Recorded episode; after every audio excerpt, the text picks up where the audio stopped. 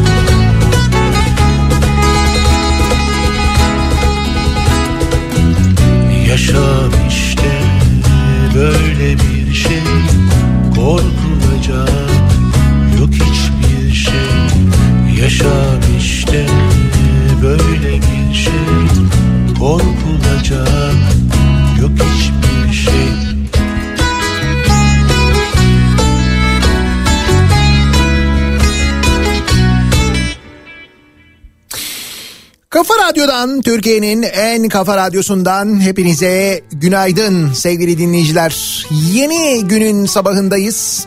Günlerden cuma tarih 24 Şubat 7'yi 4 dakika geçiyor saat.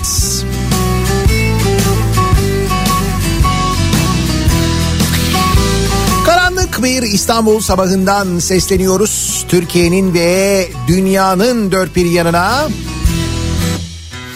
Yaşadığımız şehirlerde, uyandığımız, uyanıp okula gittiğimiz, işe gittiğimiz şehirlerde işte havanın nasıl olduğuna, gökyüzünün nasıl göründüğüne, trafiğin ne kadar yoğun olduğuna bakmadığımız günler. Çünkü aklımız hep başka bir yerde. Aklımız hep deprem bölgesinde, oradan gelen bilgilerde, oradan gelen haberlerde. Böyle günler yaşamaya devam ediyoruz bir yandan. Olmazsan olmaz, büyümez çiçeklerim, toprağım havalanmaz, kurur gider bahçelerim. Olmazsan olmaz, büyümez çiçeklerim, toprağım havalanmaz, kurur gider bahçelerim.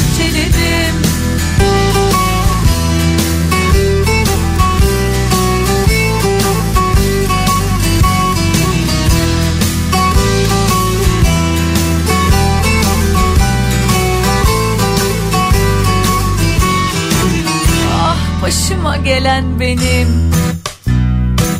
Aşk oyun ben oyuncak söyle emrine amadeyim. Kimmiş beni susturacak?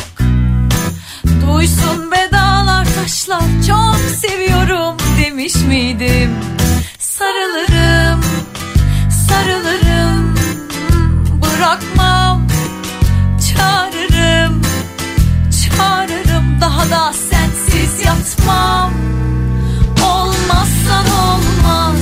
Büyümez çiçeklerim. Toprağım havalanmaz. Gurur gider bahçelerim. Olmazsan olmaz. Büyümez çiçeklerim. Toprağım havalanmaz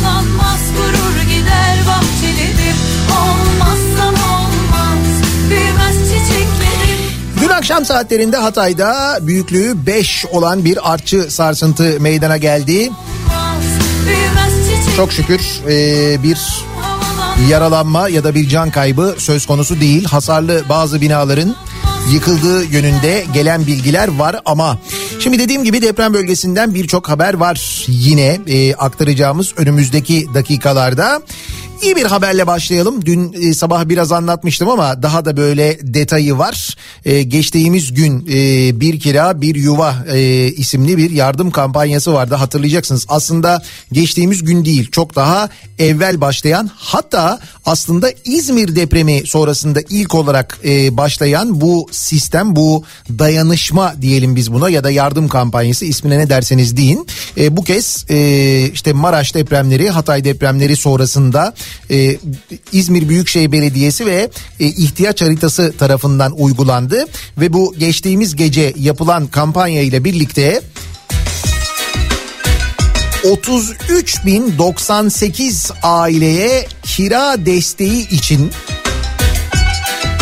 330 milyon lira toplandı. Dün de konuşmuştuk zaten izleyenler de görmüşlerdir böyle milyonların ya da milyarların havalarda uçuştuğu insanlara böyle sanki sadaka veriyormuş gibi davranılmadığı bir dayanışma örneğiydi aslında. Şimdi bu işin güzel tarafı yani işte aslında 28 bin aile 28 bin 466 aile hedeflenirken Bile bile ben yar 33.098 aileye ulaşıldı. Bu ailelerin Yine yeni sevdalar seçtim bir yıllık kirasını karşılayacak bağış toplandı. Yuva son derece önemli. Barınma en büyük problem. İşte bu ailelerin yani 28.466 ailenin ki bu aileler başvuru yapan aileler yani ihtiyaç haritası tarafından tespit edilen, başvuru yapılan, kontrol edilen ve tespit edilen aileler o ailelerle yardımseverleri bir araya getirdi. Aslına bakarsanız bu bir kira bir yuva kampanyası ki siz hala e, yardımcı olabilirsiniz. Siz de bu dayanışmaya katılabilirsiniz. Bir kira bir yuva.org sitesine girerek şu anda dediğim gibi 33.098 ailenin bir yıllık kirasını karşılayabilecek durumda. E, bu arada bir depremzedeyseniz deprem bölgesinde yaşıyorsanız bir kira bir yuva.org sitesine girerek siz de e, yardım başvurusunda bulunabilirsiniz. E, bu tabii ki sizin için de orada bir başvuru bölümü var. Yardımcı olmak isteyenler için de başvuru bölümü var. Şimdi bunlar işin güzel tarafı. Bu dayanışmanın en güzel tarafı. Fakat e, şöyle bir tarafı da var ki e, işte o da kötülük tarafı yani kötü tarafı demiyorum kötülük tarafı. Bu çünkü var maalesef. Yani böyle günlerde bile bu kötülük var. Çünkü bazı insanların o iş içinde var. Yani o safi kötülük insanın içinde var. Ben en çok o kötü insanlardan korkarım. Yani içinde gerçekten kötülük olduğunu bildiğim insanlar e, var benim hayatta tanıdığım. Şahsen tanıdığım insanlar da var. Nitekim hiçbir zaman yanılmadım o konuyla alakalı. Onların kötü oldukları ile ilgili yaptığım tespitler hiç bugüne kadar yanlış çıkmadı. Yani böyle çok yakından birebir tanıdığım insanlarla ilgili söylüyorum. Bunun haricinde tanımadığımız ama gerçekten orada olduğunu bildiğimiz, içinde kötülük olduğunu bildiğimiz insanlar var. Nitekim bu insanlar şu dayanışma gerçekleşirken ne yapmışlar biliyor musunuz? Ee, bir kira bir yuva.org sitesine e, siber saldırı düzenlemişler. 3 milyon 700 bin kez siber saldırı düzenlenmiş. O kampanya devam ederken sevgili dinleyiciler insanlar o siteye girip yardım e, toplamaya çalışırken işte kimisi 50 lira kimisi 100 lira kimisi 500 lira kimisi 10 bin lira falan bağışlarken bunu yapmaya çalışırken hepsi 3 milyon 700 bin siber saldırı gerçekleşmiş. Bir kira bir yuva kampanyasına.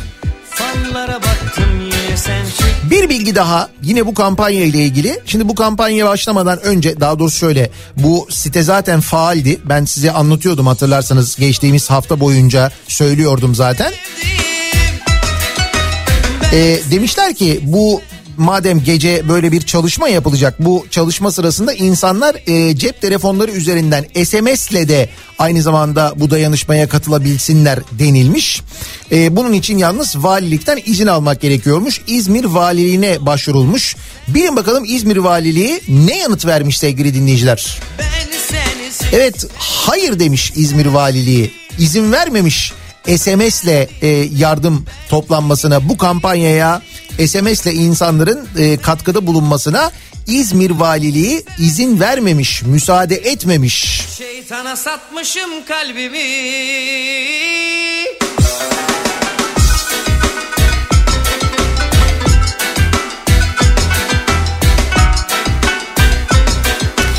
Öyle işte.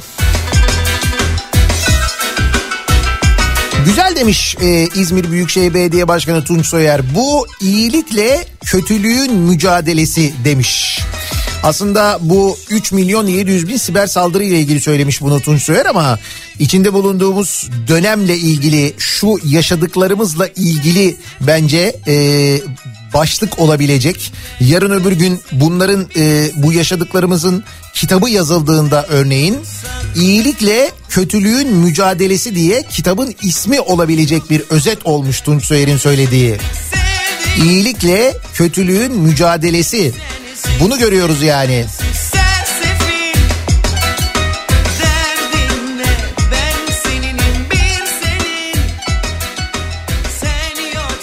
Neymiş o gördüğümüz diye soran olabilir. Hani diyoruz ya kendi kendimize ya bunu da mı gördük, şunu da mı yaşadık, bu da mı olacaktı, yok artık dediğimiz şeylerin hepsi aslına bakarsanız iyilikle kötülük arasındaki mücadele. Başka türlü mümkün değil zaten gerçekten de. Ah ah sevgili dinleyiciler. Birçoğumuzun o iç çekişi var ya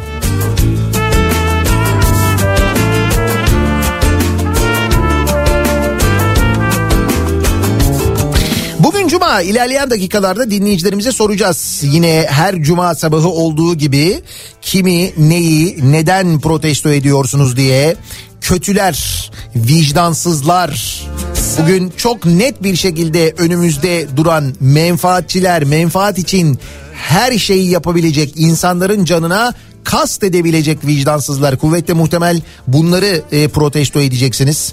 Daha böyle birçok e, konu var elbette. Soracağız ilerleyen dakikalarda. Ama oraya gelene kadar tabii aktaracağımız birçok haber var. Deprem bölgesinden haberler aktaracağız. Gazetelere döneceğiz bakacağız.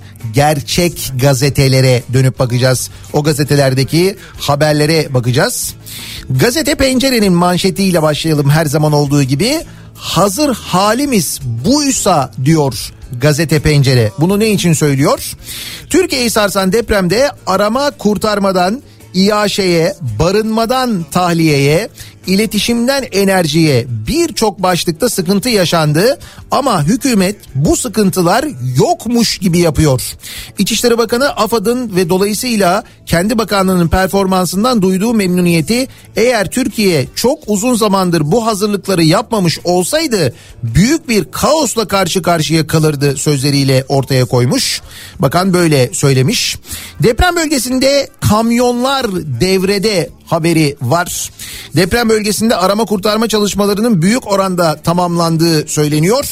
Şimdi yıkılan binaların enkazının taşınması için yoğun bir faaliyet varmış. Faaliyetleri yürüten Bakan Murat Kurum bilim insanlarının il, ileride büyük risk yaratabilir diye uyardığı molozlar için çevresel bütün tedbirleri alarak geri dönüşüme alacağız.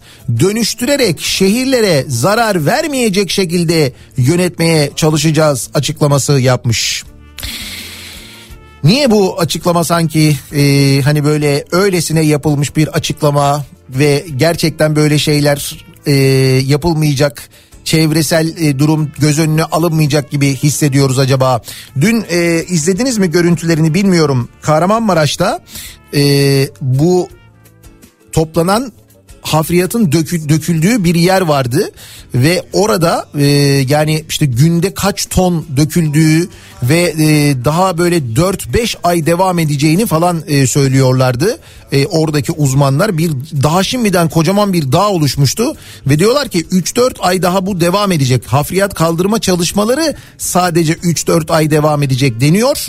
E, fakat bizimkiler diyorlar ki biz işte e, bir ay içinde inşaatlara başlarız.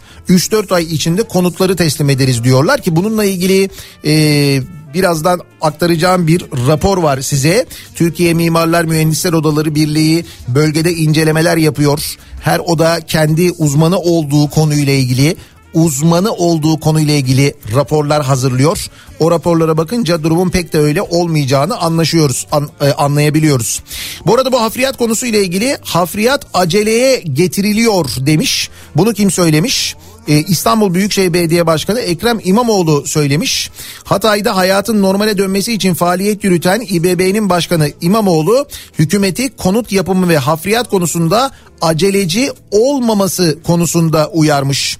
Ekrem İmamoğlu bu hafriyatların asbest riski, tarım alanlarına verebileceği zarar ve yeraltı sularını kirletme riski kesinlikle göz önüne alınmalı ve alelacele çalışma yapılmamalı demiş. Konut yapımının da seçim yatırımına dönüşmemesi konusunda uyarmış. Ama mevzunun böyle olacağını daha şimdiden anlıyoruz. İşte dün konuşuyorduk mesela seçim sloganından konuşuyorduk. AKP'nin seçim sloganının e, Türkiye'yi yeniden inşa ediyoruz olacağı e, iddia ediliyor. Böyle bir iddia var. Bu arada e, seçim tarihiyle ilgili yine çeşitli iddialar, seçimin nasıl yapılacağı, deprem bölgesinde yaşayanların ya da deprem bölgesinden göç edenlerin nasıl oy kullanacağı ya da kullanamayacağı ile ilgili iddialar var. Ee, onlara da aynı zamanda ilerleyen e, saatlerde dakikalarda bakacağız. O haberlerin de detaylarını vereceğiz sizlere bir yandan. ben çekerim Tut elimi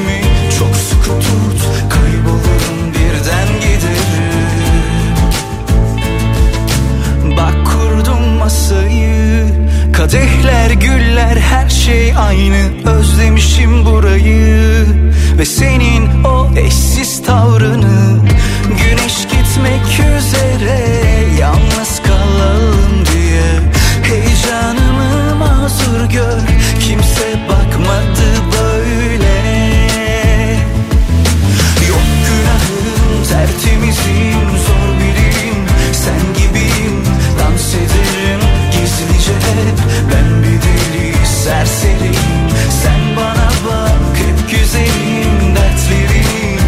ben çekerim Tut elimi çok sıkı tut Kaybolurum birden giderim Yok günahım Bir yandan aynı zamanda ekonomik kriz devam ediyor. Tabii ki bir numaralı gündemimiz deprem ama dışarıya çıktığımızda bir alışveriş yaptığımızda o arada zamlanan fiyatları görünce bu da mı zamlanmış bu kadar mı olmuş demeye devam ediyoruz bir yandan. birden Et fiyatları yılbaşından bu yana yüzde otuz artmış sevgili dinleyiciler. Şubat ayının sonuna doğru gelirken iki ayda sadece iki ayda et fiyatının yüzde 30 arttığını söylüyor buradaki haber. Ee, et fiyatlarındaki artış yılbaşından bu yana e, 50 günde yüzde 30'a ulaşmış. Yağsız dana etinin fiyatı 5 Ocak tarihinde ortalama 126 lirayken 16 Şubat tarihinde 163 liraya e, kadar yükselmiş. ederim Dolayısıyla iki ay geçmeden maaşlar eridi diyor ama zaten o maaşlar yani zamlı olan maaşlar Ocak ayının sonunda alınmıştı.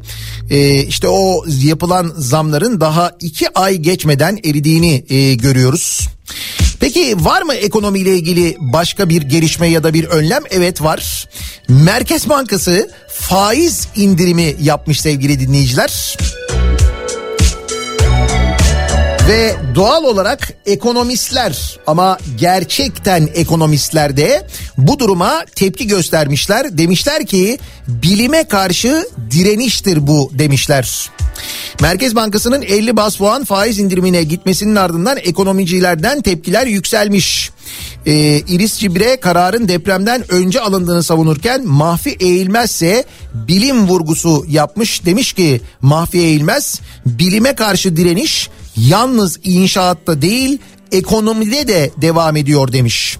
Yani bilime karşı e, davranırsanız, bilim insanlarını dinlemezseniz, ben bunu biliyorum, ben yaparım derseniz başımıza neler geldiği ortada. Şu anda hep beraber yaşıyoruz. 18 gündür yaşadıklarımızı görüyorsunuz değil mi? İşte bilime karşı gelmekle oluyor bunlar. Bilimi hiçe saymakla oluyor. Bilim insanlarını ciddiye almamakla oluyor. E, aynı şeyi ekonomide yapıyoruz. Bu kararları kimler veriyor? Benzer insanlar veriyorlar. Ekonomide geldiğimiz durumda işte böyle ortada. Ekonomi yazarı Alaaddin Aktaş elinizi niye korkak alıştırıyorsunuz? Merkez Bankası'nın politika faizi yalnızca yarım puan düşürüle, düşürülerek %9'dan 8,5'a indirildi. Gerçi nasıl olsa bu faiz önemsizleştirilmişti değil mi ifadelerini kullanmış. Yani anlayacağınız ekonomiyle ilgili gelişmeler öyle pek de iç acıcı gelişmeler değil.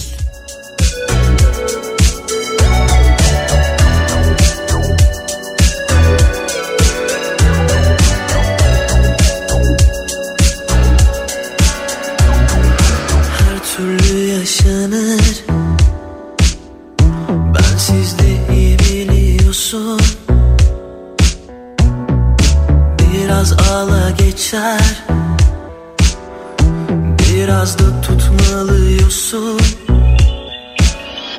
En yakın dostum şişelerin dibi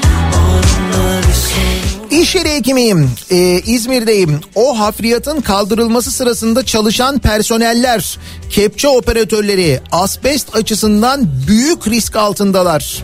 O gözle korunmalılar diye uyarıyor ee, bir iş yeri hekimi dinleyicimiz. Ben dünkü şimdi görüntülere bakıyorum. İşte hafriyatı taşıyan kamyonlar, ee, çalışan operatörler birçoğunda maske dahi yoktu. Ee, hiç öyle bir önlem alınmış gibi görünmüyordu.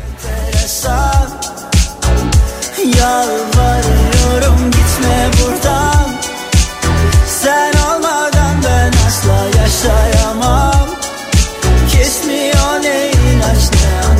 antidepresan Çözemedim valla çok enteresan. Kafayı yiyorum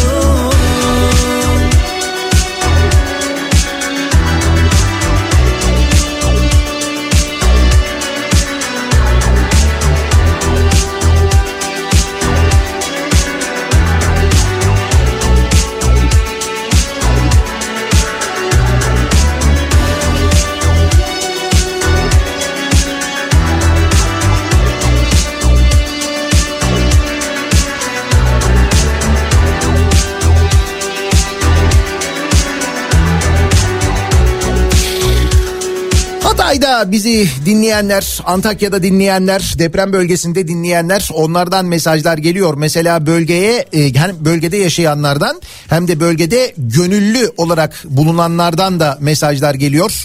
Hatay Havalimanı Meteoroloji Servisi bizi dinliyormuş mesela orada. Dalaman'dan Hatay Havalimanı'na gönüllü görevli olarak geldim. 20 Şubat pazartesi depremi sırasında geldik göreve. Tedbir amaçlı binaya giremiyoruz ama meteoroloji işlerini dönüşümlü olarak sürdürüyoruz diyor Altan göndermiş. Onlar da e, araçlarında e, yatıyorlarmış orada dinleniyorlarmış. Onlara da kolaylıklar dileyelim aynı zamanda bölgede gönüllü olarak görev yapan oraya koşarak giden herkesi aynı zamanda e, selamlıyoruz. Önlerinde saygıyla e, eğiliyoruz aynı zamanda. Ee, devam edelim bir yandan haberlere bakalım. Ee, dediğim gibi ilerleyen e, dakikalarda soracağız. Her cuma sabahı olduğu gibi kimi, neyi, neden protesto ediyorsunuz diye. Şimdi bakınız bu kadar hengamenin içinde bu kadar e, işte maalesef bir facia konuşuyoruz ve e, işte ölümlerden bahsediyoruz. En son e, AFAD tarafından açıklanan e, bilgi e, 43 binin üzerinde insan hayatını kaybetmiş vaziyette. Tam da bugünlerde tam da bu kadar çok ölümü konuşurken TÜİK bir veri açıklıyor sevgili dinleyiciler. Şimdi biraz daha geriye doğru gidiyoruz. 2020 2021 dönemine gidiyoruz. Yani pandemi dönemine gidiyoruz. İşte dünyada 100 yılda bir yaşanabilecek bir salgın yaşandı. Onu da gördük biz bu nesil olarak gerçekten o da bize denk geldi. O günleri hatırlıyorsunuz herhalde değil mi? İşte e, o günlerdeki tartışmaları mesela o günün tartışmalarından bir tanesi de e, rakamların doğru açıklanmadığı, hayatını kaybedenlerin sayısının doğru açıklanmadığı ile alakalıydı. Nitekim TÜİK e, ölüm istatistiklerini yani 2020 ve 21 yıllarının ölüm istatistiklerini bu yılların sonunda açıklamamıştı. Yani rakamlar gizlenmişti. TÜİK'in bizden rakam gizlemesine zaten alışığız ya da rakamları e, normal göstermemesine alışığız. Enflasyondan dolayı çok yakından biliyoruz bunu. Demek ki e, işte manipüle edilebiliyor ya da kontrol edilebiliyor. Yani çünkü e, neden her sene açıklanan ölüm istatistiği açıklanmaz? Pandemi döneminde açıklanmamıştı. O zaman da çok tartışmalar olmuştu hatırlarsanız. Böyle değil diye işte belediyelerin mesela e, defin sayılarıyla kıyaslanmıştı, karşılaştırılmıştı. Oradaki rakamlar birbirini tutmuyordu ya.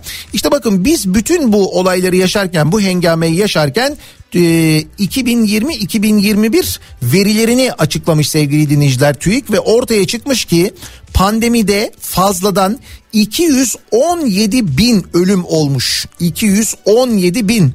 Türk Tabipler Birliği Pandemi Çalışma Grubu'ndan Güçlü Yaman, TÜİK'in 2020-21 ölüm istatistiklerinin Covid-19 pandemisindeki fazladan ölümlerin 217 bin olduğunu ortaya koyduğunu söylemiş. TÜİK'e göre 2019'da 2019'da 435 bin kişi ölürken 2020'de 507 bin, 2021'de 565 bin 594 kişi ölmüş. Covid-19 kaynaklı ölüm sayısı 2020'de 22 bin 136 iken yaklaşık 3 kat artarak 2021'de 65.198 olmuş. 2 yılda toplam 87.334 insan bu sebeple ölmüş.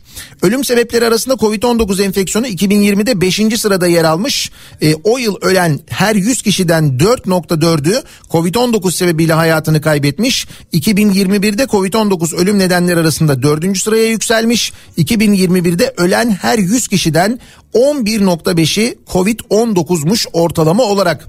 Söz konusu fazladan ölüm sayısı yani bu 217 bin vakaların tespit edildiği Mart 2020'den 2021 sonuna kadar gerçekleşen bütün ölümlerin salgın öncesi 3 yılın ortalamasıyla karşılaştırılmasıyla elde edilmiş. Hesaplama yöntemi dünya genelinde salgındaki gerçek kayıpları hesaplamak için kullanılıyor. Bu sayıya hem direkt Covid-19'a bağlı ölümler hem de salgının yarattığı olağanüstü koşullardan kaynaklı ölümler işte sağlık hizmetlerine erişim problemleri de dahilmiş aynı zamanda. Güçlü Yaman'ın verdiği bilgiye göre eğer Mart 2020'de ve 2021 sonuna kadar olan dönemdeki ölümleri sadece 2019'daki ölümlerle kıyaslarsak 210 bin daha fazla insanın öldüğünü görüyoruz. Fakat e, önceki 3 yılın kıyaslamasına göre yapılan hesaplama gerçeğe daha yakın. Çünkü tek bir yılda yaşanabilecek sıra dışı artış veya azalmaların hesaba etkisi azalıyormuş.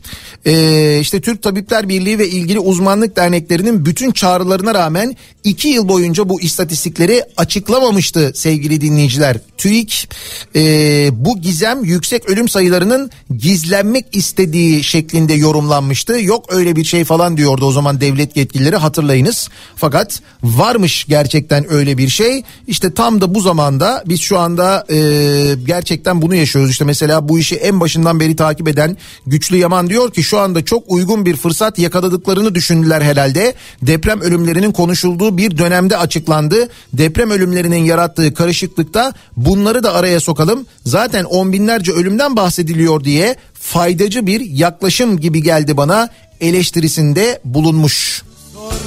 Bunu da gördük. Bunu da yaptılar. Bunu da saklamışlar, gizlemişler sevgili dinleyiciler. Hiç öyle söylendiği gibi değilmiş yani. yonca Çünkü insanlar yıllar boyunca Hiç soru sormadan durur Yedi buçuğa yaklaşıyor saat hatta yedi buçuk oldu bile ve e, sabah trafiği yavaş yavaş yoğunlaşmaya başladı. E, İstanbul'da Anadolu Avrupa geçişinde ikinci köprü trafiği şu anda Ümraniye sonrasında yoğunlaşıyor. Köprü girişine kadar bu yoğunluk mevcut. E, birinci köprü trafiği Acıbadem'den köprü girişine kadar yine son derece yoğun. Tünel girişindeki yoğunluk yavaş yavaş artmaya başladı. Geride E5 trafiği Maltepe sonrasında yoğunlaşıyor. Özellikle Küçük Yalı'yla e, Uzunçayır arasının epey yoğun olduğunu görüyoruz. Ters istikamette ise Kartal'ı geçtikten sonra başlayan trafik Tuzla'ya kadar son derece yoğun. Tem'de de bu arada yine Kartal Sapağı civarına başlayıp Sultanbeyli'yi geçene kadar devam eden bir Kurtköy yönü trafiği var. Avrupa yakasında Tem'de Isparta Kule civarı yoğunluğu başlamış. Sonrasında trafik açık. Maslak trafiği Gazi Osman Paşa sonrasında başlıyor. Maslak çıkışına kadar bu yoğunluk etkili. E5'e baktığımızda ise Avcılar girişiyle özellikle Sefaköy arasının yoğun olduğunu görüyoruz. Sonrasında trafik hareketli. Merter'den sonra ise yeniden yoğunluk başlıyor ve bu yoğunluk Haliç'i çıkana kadar devam ediyor. Sahil yolunda bir sorun yok. Bir kaza bilgisi, bir kaza haberi yok İstanbul'dan ve diğer büyük şehirlerden elimize ulaşan an itibariyle.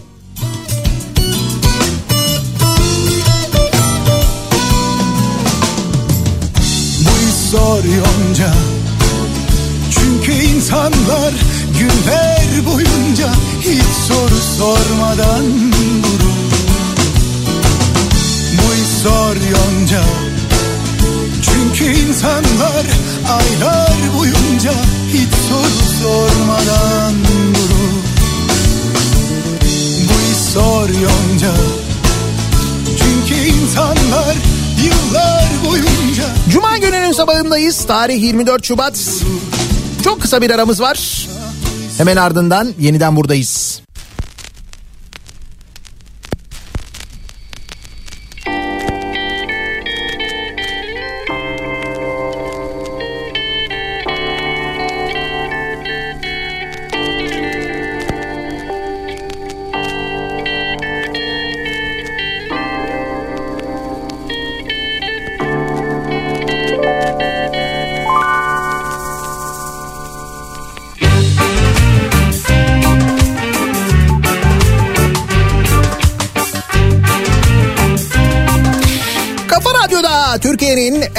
Kafa radyosunda devam ediyor.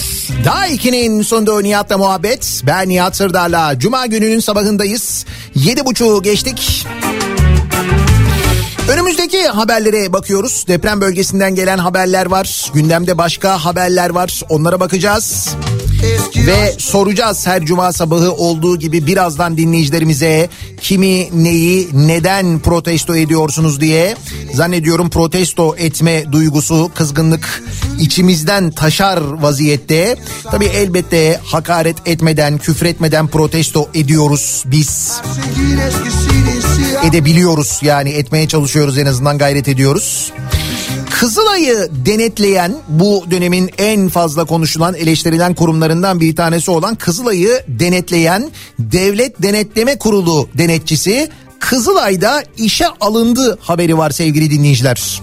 Benim burada başlar Özne eylem drama ve gülmece var Her şey güzel baş Şaşırdık mı acaba? Kötü rolde de yaşam var Depremzedelere yardım ulaştırmaması, yıllardır süre gelen yolsuzluk ve liyakatsiz atamalar sebebiyle eleştirilerin odağında yer alan Kızılay'da tartışma yaratacak bir gelişme daha yaşanmış. Bir gün gazetesinden İsmail Arı'nın haberi. Kızılay Cumhurbaşkanlığına bağlı Devlet Denetleme Kurulu tarafından denetleniyor. Daha önce Kızılay'ı denetleyen Devlet Denetleme Kurulu ekibi içerisinde yer aldığı iddia edilen Seydi Güler isimli denetçi Kızılay'da işe alınmış. Güler'in yüksek maaşla bütçe ve muhasebe yönetimi direktörü olarak görevlendirildiği ve Kızılay'ın Güler'in işe alınmasını çalışanlarına gönderdiği maille duyurduğu ifade ediliyor. Nitekim o mailin fotoğrafı var. Güler'in özgeçmişinde ise Devlet Denetleme Kurulu'nda 2021'de denetçi olarak çalışmaya başladığı bilgisi de yer alıyormuş. Bir gün gazetesi ulaşmış kendisine. O da bir açıklama yapmayacağını söylemiş. Kendine bak Bu aralar kullanılıyor. Zaman zaman biz kullanıyoruz, konuşuyoruz. Hani tuz koktu diye bir söz var ya. Gerçekten de tuz kokmuş sevgili dinleyiciler. Durum o noktaya kadar gelmiş. Bu haberden bunu net bir şekilde anlıyoruz. Ve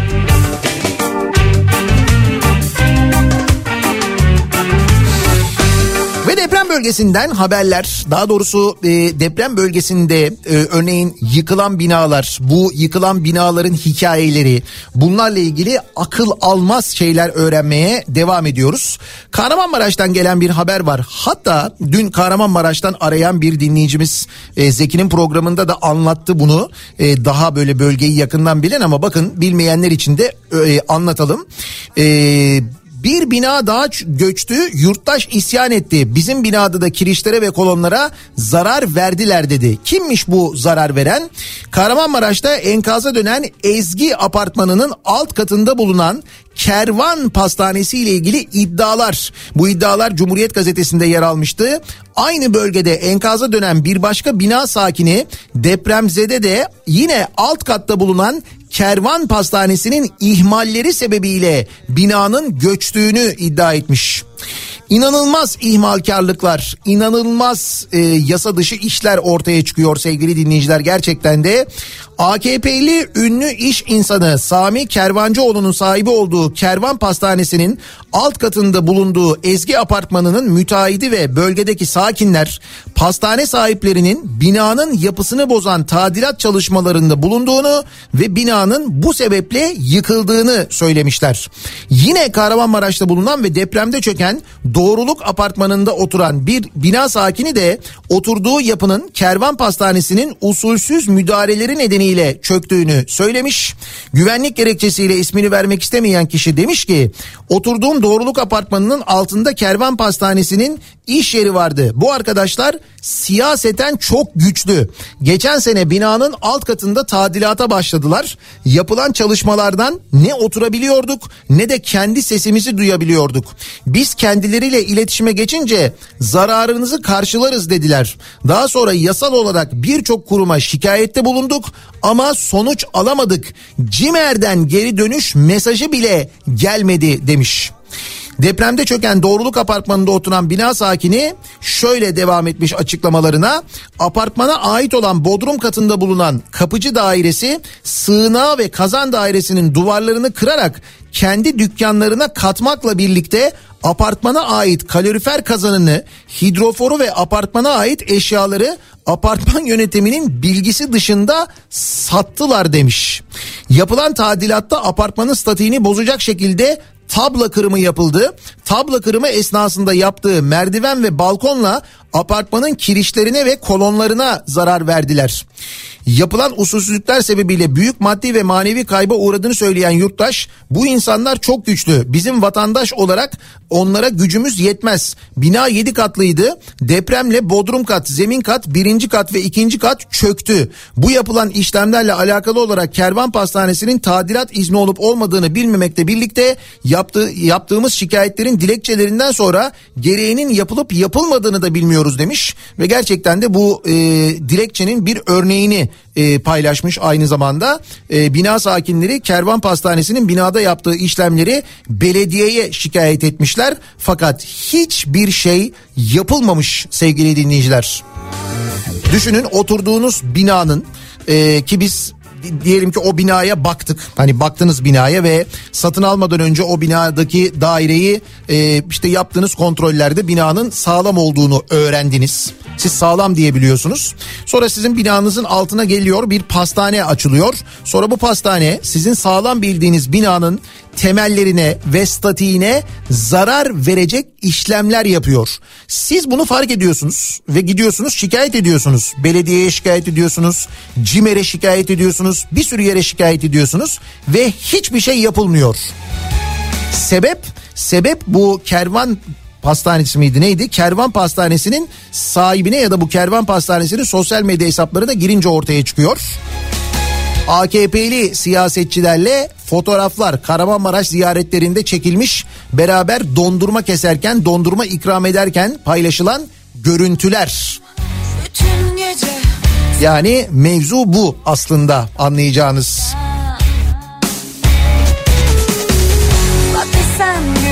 çaldı yine Avaz avaz radyolarda Bu torpil işinin bu yalakalık ve bunun karşılığında nüfus edinme işinin bak onlar benim tanıdığım bende fotoğrafı var falan işinin ne kadar tehlikeli bir şey olduğunu görüyor musunuz? İnsanların canını alacak kadar insanların canına kastedecek kadar tehlikeli bir iş olduğunu görüyor musunuz şimdi? Bunları biz zamanında konuşurken işte bu e, siyasetçilerle birlikte fotoğraf çektiren, onlarla yakın böyle işte ilişki kuran, sonra bu ilişkileri kendi işlerini büyütmek için kullanan insanlarla ilgili konuşurken bunun sonunun hiç iyi olmadığını söylerken bunları aslında kastediyorduk. Nitekim geldiğimiz noktaya bakın şimdi görüyorsunuz değil mi? Kalbime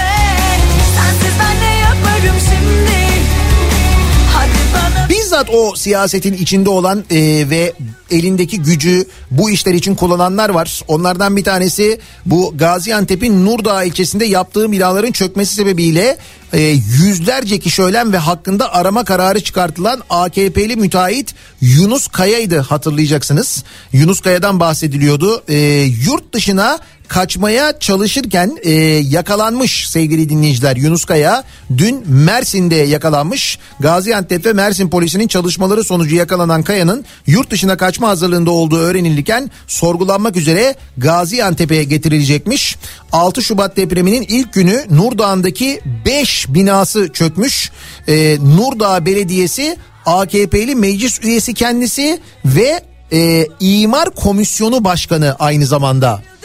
Nurdağ'ın İmar Komisyonu Başkanı yaptığı 5 bina çöküyor. Ah ah. Yunus Kaya'nın sahibi olduğu CCG İnşaat yaptığı binanın enkazında çok sayıda yakınını kaybeden Ünal Yıldırım, Cumhurbaşkanı Erdoğan'ın ilçede yaptığı inceleme sırasında şikayette de bulunmuş aynı zamanda. Bu arada Yunus Kaya'nın mal varlıklarının bir bölümünü devrettiği ile ilgili e, iddialar da var. Bu iddianın sorgulama sonucu ortaya çıkacağı da aynı zamanda söylenmiş. İşte bu Şamil Tayyar'ın bunu e, kolladığı söyleniyordu. Ondan sonra Şamil Tayyar ben değil belediye başkanı onu kolluyordu falan dedi. Şimdi herkes suçu birbirine atıyor farkındasınız değil mi? Bunlarla fotoğraf çektirirken, bunlardan hediyeler alırken, bunları ziyaret ederken bu tipleri o zaman iyi. Ayrıldık mı yani şimdi Şimdi böyle olunca o benim tanıdığım değil aslında onun tanıdığı ben destek vermedim öteki verdi falan diye şimdi herkes topu birbirine atıyor farkındasınız değil mi görüyorsunuz. Hadi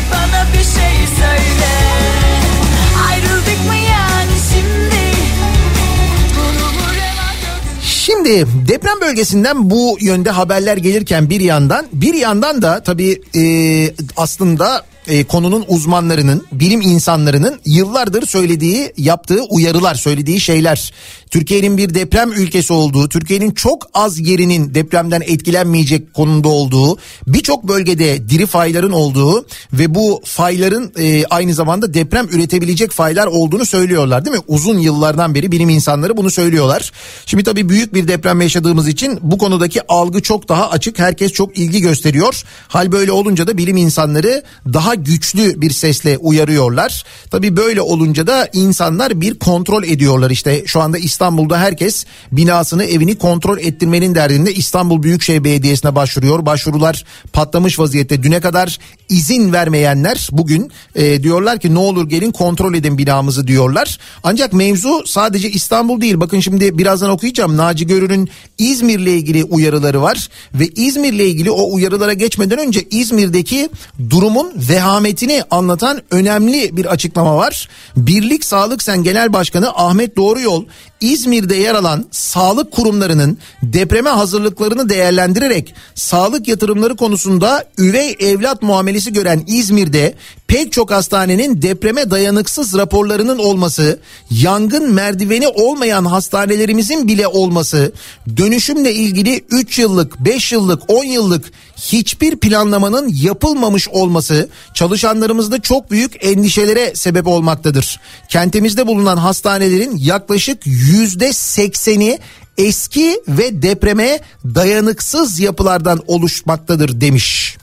İzmir'deki hastanelerin yüzde sekseninden bahsediliyor sevgili dinleyiciler. İzmir'e yıllardır yapılan muamelenin ne olduğunu İzmirli olmasak bile hepimiz biliyoruz. Takip edenler olarak biliyoruz. Ki ben sık sık İzmir'e gidiyorum geliyorum seyahat ediyorum.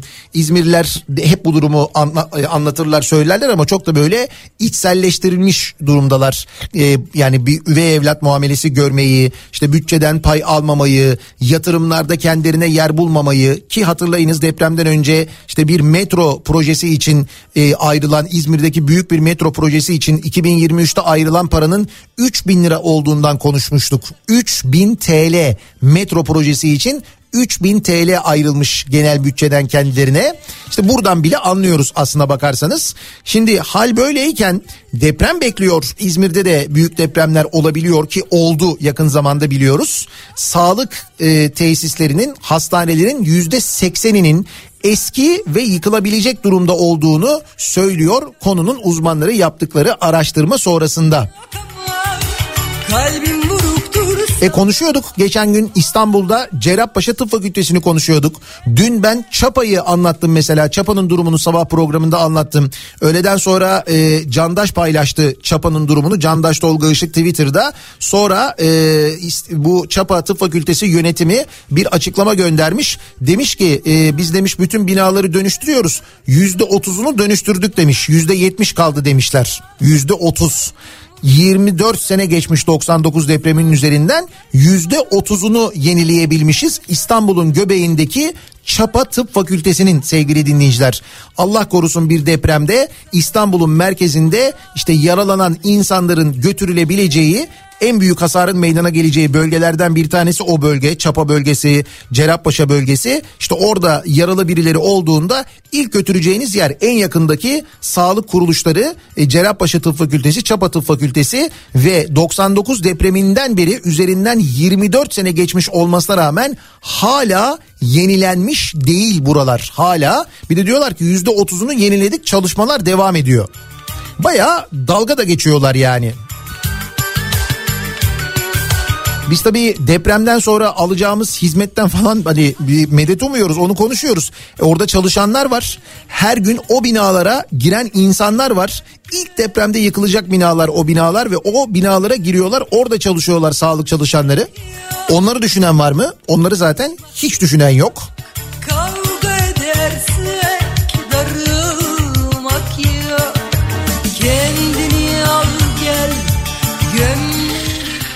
Nasıl çözeceğiz bunları? Bunlar nasıl çözülecek? Nasıl biz normale döneceğiz? Nasıl normal ayarlarına dönecek bu ülke? Gerçekten çok büyük iş var ya. Çok. Yani şu şu mesele mesela şu depremzede çocuklar meselesi. Günlerdir konuşuluyor bu depremzede çocuklar nerede? Bu çocukları ne yaptınız? Aile Bakanı çıkıyor diyor ki hepsi diyor devlet kontrolünde hiç merak etmeyin çocuklarımız emin ellerde falan diyor. Ve biz dün öğreniyoruz ki Alican Uludağ'ın haberinden öğreniyoruz. Bizzat Sakarya'ya giderek yerinde yaptığı haberden öğreniyoruz ki depremzede çocuklar İsmail Ağa cemaatine bağlı vakıf tarafından yürütülen bir yatılı Kur'an kursuna verilmişler. Sakarya'da 9 depremzede çocuk. Buyurun. Kahramanmaraş merkezi depremde babalarını yitiren ve Gaziantep'ten Sakarya'ya getirilen 9 yetim çocuğun Diyanet İşleri Başkanlığı'na bağlı olan ancak işletmesi İsmail Ağa cemaatine yakın Sakarya Erenler İlme Hizmet Vakfı tarafından yürütülen Mekke Mescidi Hanife Akın Kur'an kursuna yatılı olarak verildiği ortaya çıkmış. Doğçevelle Türkçe'nin ulaştığı vakıf yöneticisi Mahmut Usta Osmanoğlu'nun müridiyim diyerek kurs binası bize ait. Bu çocukları kalacak yerleri olmadığı için Sakarya müftüsü bize yönlendirdi. Biz de çocukları koruma altına aldık. Eğitimini Diyanet'te biz veriyoruz demiş. İl müftüsü Sakarya İl müftüsü Hasan Başiş ise e, kursun Diyanet'in kontrolünde olduğunu, eğitimini kendilerinin verdiğini ancak kursun yemek ve temizlik işlemlerini bu vakfın yürüttüğünü söylemiş. Ee, Gaziantep'te babalarını kaybeden 9 çocuk anneleriyle birlikte Sakarya'ya getirilmiş. Bu çocuklar anneleri olmadan Sakarya'nın Adapazarı ilçesinde bulunan Diyanet İşleri Başkanlığı'na bağlı Mekke Mescidi Hanife Akın Kur'an kursuna verilmiş. Burada barındırılan çocuklar aynı zamanda hafızlık eğitimi alıyorlarmış. Ancak görünürde Diyanete ait olan kursun işletmesinin İsmail Ağa cemaatine yakın Sakarya Erenler İlme Hizmet Vakfı tarafından yürütüldüğü öğrenilmiş. Çocukların Kur'an kursunda geçici olarak kalacağını savunan Adem isimli görevli zannedersem Antep'e dönecek bu çocuklar demiş. Çocuklar neden annelerinin yanında yer almıyor sorusuna e, bu tarikat üyesi annelerinin yanında yer olmadığı için bize gönderildiler yanıtını vermiş. Depremde 15-20 kişiyle bölgeye gittiklerini söyleyen Adem burada yemek dahil birçok hizmet verdiklerini söylemiş aynı zamanda. Sonra bu e, tarikat mensupları yardım toplama çalışması için WhatsApp grupla bir WhatsApp grupları varmış. Oradan e, yazışmışlar. Bu Adem isimli kişinin eski asker arkadaşıyla birlikte oluşturduğu özel ulaştırma adlı WhatsApp grubuna Antep depremzede kardeşlerimizden 9 tane yetim çocukları hafızlık kursumuzu aldık. İhtiyaçlarına yardımcı olmak isteyen arkadaşlar derneğimizin resmi hesap numarasından olabilir diye yazmış. Bu yazım yanlışları bizzat bu hani direkt e, yazılan mesaj buraya aktarıldığı için böyle. Mesajın devamında Sakarya Erenler İlme Hizmet Derneği'nin hesap e, numarası paylaşılmış aynı zamanda. E, bu WhatsApp yazışmalarında gruptaki kişi, gruptaki bir başka kişi devlet himayesine devredin bu çocukları. Kimsesiz çocukları kimse istediği gibi alamaz diye yazmış. Adem adlı kişi ise resmi olarak geldiler. İl müftüsü gönderdi. Dileyen gelip yapacağını yapabilir. Burada kimse kendi şahsına para istemiyor diye yazmış. Ee, sonra bir başkası tepki göstermiş. Yani grupta gerçekten böyle vicdanlı insanlar da varmış aslında.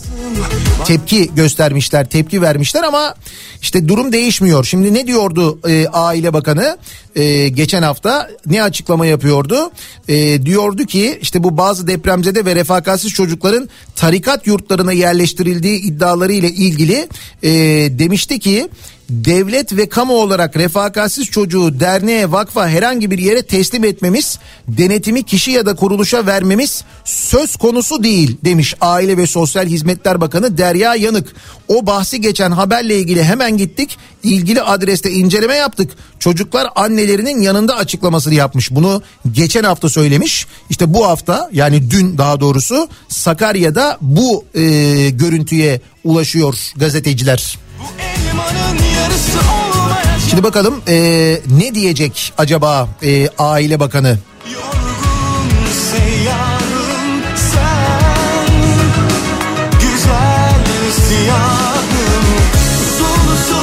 Akıl alır şey değil değil mi gerçekten de sevgili dinleyiciler? Yani oradaki e, çocukların işte ya da işte mesela babasını kaybetmiş çocukların e, buraya getirilmesi, sonra çocukların annelerinin yanından alınması, onlara böyle e, dini eğitim verilmeye başlanması.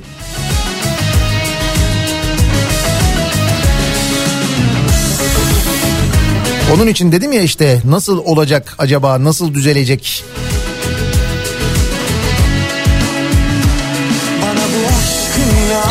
Demin sizlere söylemiştim ya e, işte Mimarlar Mühendisler Odaları Birliği e, bu birliğe üye olan odalar gidiyorlar deprem bölgesinde incelemeler yapıyorlar. Bu insanlar bu işlerin uzmanı olan insanlar hani böyle öcüleştirilen uyarılarda bulundukları zaman siz bölücüsünüz vatan hainisiniz bilmem nesiniz denilen ama dedikleri bir bir çıkan odalardan bahsediyorum. İşte bu odalardan bir tanesi Mimarlar Odası yerinde yapılan inceleme sonucunda bir deprem raporu hazırlamış ve bunu açıklamış. Yıkımın nedenlerinin sıralandığı raporda bölge ile ilgili çok da çarpıcı tespitler yer almış. 11-16 Şubat tarihleri arasında Mimarlar Odası Merkez Yönetim Kurulu tarafından oluşturulan bir heyet bölgede yerinde incelemeler yapmış ve bu raporu hazırlamış.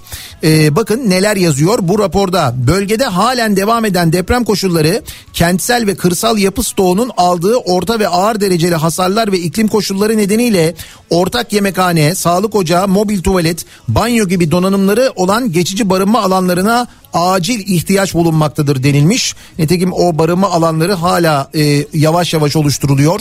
Bir çadır problemi var ki üzerinden depremin 18 gün 19 gün geçti neredeyse hala çadır yok diye konuşuluyor.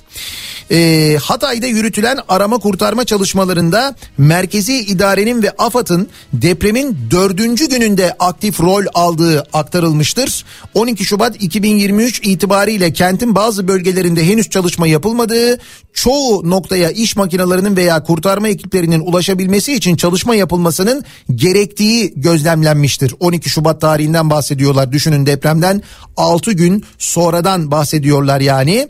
Güvenlik sorunları sebebiyle ekipler sahadan çekildi. Antakya ve Samandağ'da güvenlik sorunları sebebiyle arama kurtarma çalışmalarına katılan sivil toplum kuruluşları ve gönüllü ekiplerin kademeli olarak sahadan çekildiği öğrenilmiştir. TOKİ eliyle üretilecek konutlara dair planlama. Bakın Mimarlar Odası'nın raporunu okuyorum.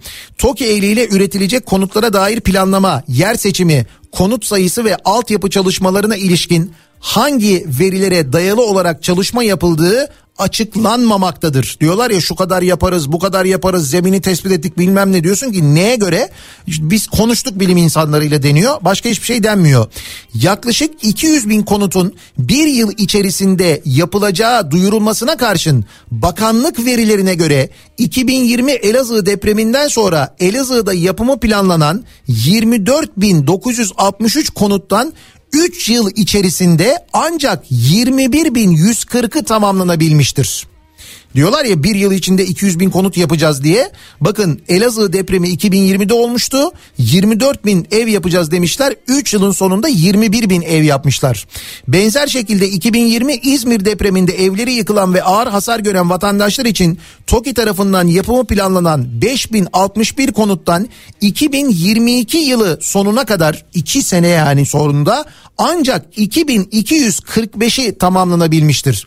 2003-2022 arasını kapsayan 20 yıllık süreçte TOKİ tarafından 1 milyon 170 bin konut inşa edilmiştir. Buna göre TOKİ yıllık 58.500 konut üretebilmektedir. Şimdi ne diyorlar? Bir yılda 200 bin konut üreteceğiz diyorlar. İşte rakamlar ortada yani Mimarlar Odası bunu ortaya koyuyor. Kentsel alanlarda yaşanan yapısal hasarların başlıca nedenlerinin geçmişte yaşanan deprem hasarlarına benzer biçimde olduğu vurgulanmış raporda diyorlar ki mimarlar afet verileri dikkate alınmaksızın yapılan imar planları ve plan tadilatları, imar affı yoluyla kaçak yapılaşmanın teşvik edilmesi, imar kurallarına aykırı proje ve uygulamalar, kaçak yapılar, tarım arazilerinin ve taşıma kapasitesi düşük zeminlerin yapılaşmaya açılması. Ya yıllardır en çok konuştuğumuz konulardan bir tanesi bu. Tarım arazileri, verimli tarım arazileri yapılaşmaya açıldı, üstüne site kuruldu, işte o organize sanayi kuruldu, o kuruldu, bu kuruldu diye yıllardır konuşuyoruz burada farkındasınız değil mi? Şimdi ne diyorlar? Diyorlar ki tarım arazilerinden biz kayalık bölgeye taşıyacağız, dağ eteklerine taşıyacağız diyorlar. Nitelikli mimarlık, mühendislik ve planlama hizmetlerinin yapı üretim denetim sürecinden dışlanması, mesleki uzmanlık alanlarında teknik eleman yetersizliği ve denetim eksikliği, yapı zemin ilişkisinin kurulamaması, yapının yüküne uygun olmayan zeminlerde inşaat yapılması, yüksek katlı yapılarda yapı yükünün artırılarak zemin yapı ilişkisinin bozulması, zemin sıvılaşması, uygun temel seçimi yapılmamasından kaynaklı hatalar, sismik yükleri dikkate almayan mimari ve taşıyıcı sistem tasarımlarının yapılması, hatalı malzeme seçimi, işçilik ve uygulamalar, düşük beton kalitesi, düz donatı kullanımı ve yetersiz donatı sayısı, gereken önlemler alınmadan asmolen ve kirişsiz döşemelerin kullanılması. Bütün bunlar Mimarlar Odası tarafından e, depremde yıkılan binaların neden yıkıldığını anlatan sebepler. Sonra da bölgede yapılması gerekenleri aynı zamanda e, sıralamışlar. Bunları da anlatmışlar. Tabii şimdi e, Mimarlar Odası yaptı ya bu açıklamayı, bu önerileri. Şimdi belki ses çıkarmıyorlar ama e, biraz daha böyle sert e, çıksa Mimarlar Odası ne hainliği kalır, ne e, işte böyle kapatılması kalır, neler neler olur. Olmaz mı? Olmadı mı geçmişte? Biliyoruz oldu. Yine aynı şeyler olur yani. Yine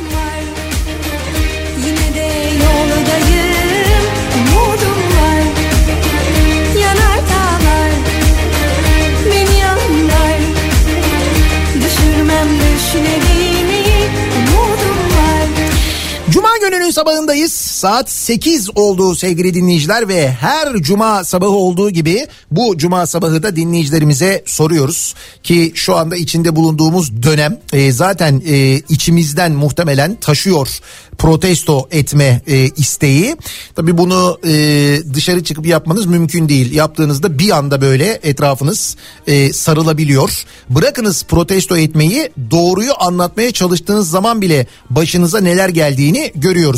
E, yasaklarla karşılaşıyorsunuz, sansürle karşılaşıyorsunuz tehditle karşılaşıyorsunuz. Yazıyoruz falan deniyor. Bu da tehdittir. Aynı zamanda not alıyoruz falan deniyor. Bu da tehdittir. İşte dün mesela Halk TV muhabiri Ferit Demir e, anlatırken yine deprem bölgesinde e, arabasından inip çekiçle tehdit eden sen burada yayın yapamazsın anlatamazsın devlet burada diyen adam vardı. Çekiçle tehdit etti ya. E, ne oldu? Şikayetçi oldu. Demişler ki saldırmadı. O yüzden işlem yapamıyoruz demiş polis. İşlem yapmamış. Sen çık bakalım şimdi bir protesto et. Ne oluyor işlem yapılıyor mu yapılmıyor mu? Yapılır değil mi?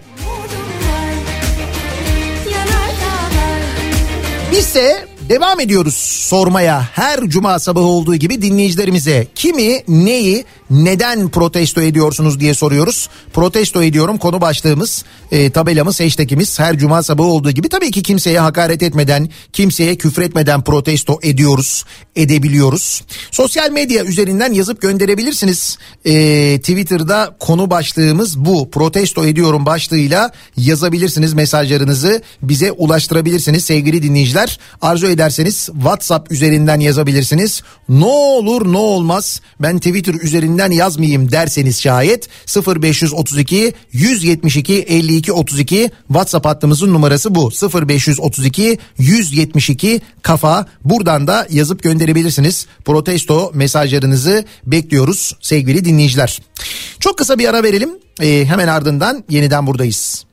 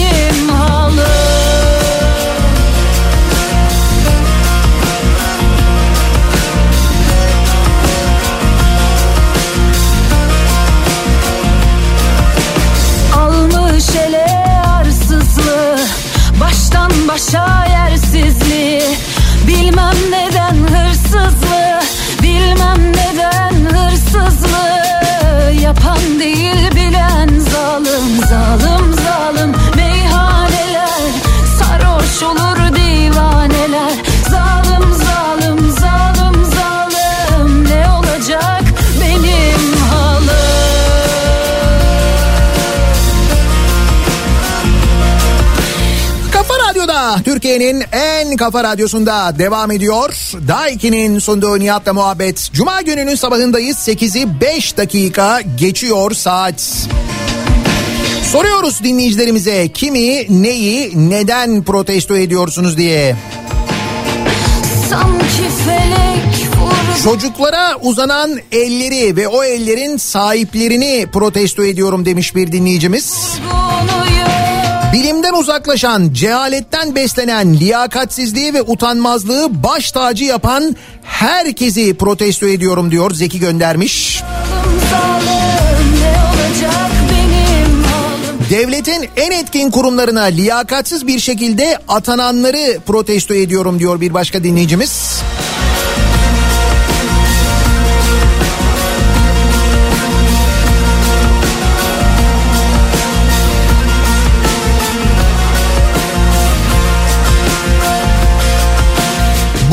Güzel kalpli insanları hain ilan edip iftira atanları, engel olmaya çalışanları, tüm siyasetçileri protesto ediyorum diyor bir başka dinleyicimiz.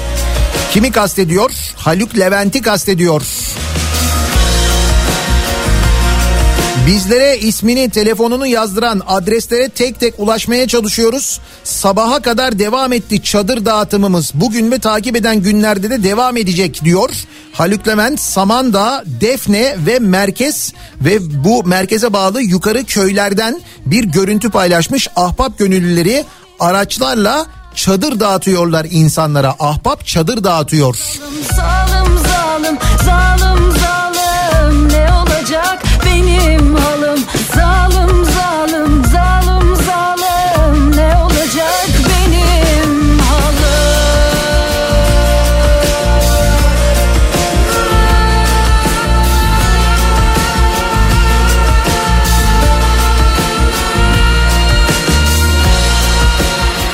Şimdi gerçekten bu doğruysa inanılmaz bir şey. Ee, deprem bölgesinde e, kuzeni olan biri yazmış. Diyor ki kuzenim dün çadır bulabilmiş. Şöyle Kahramanmaraş'tan ayrılan Japon arama kurtarma ekibi her biri 16'şar metrekare içi elyaf güneş enerjili çadırlarını insanlar kullansınlar diye bırakmış. Yani Japonlar e, arama kurtarma çalışmaları bittikten sonra ayrılırken çadırlarını bırakmışlar. Birisi bu çadırları sahiplenmiş. Kuzenim de diyor adamla pazarlık yapmış 4000 liraya satın almış. Hasılı mesele çözüldü yani. Dün akşam çocukların sırtı yatağa değmiş çok şükür. Hırsızlığı yapan değil bilen zalim zalim zalim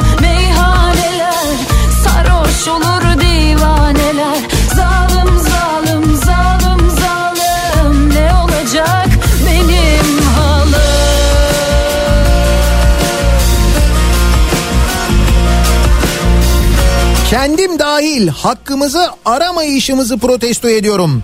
Dayatılan bu ekosistemi kabul edişimizi protesto ediyorum.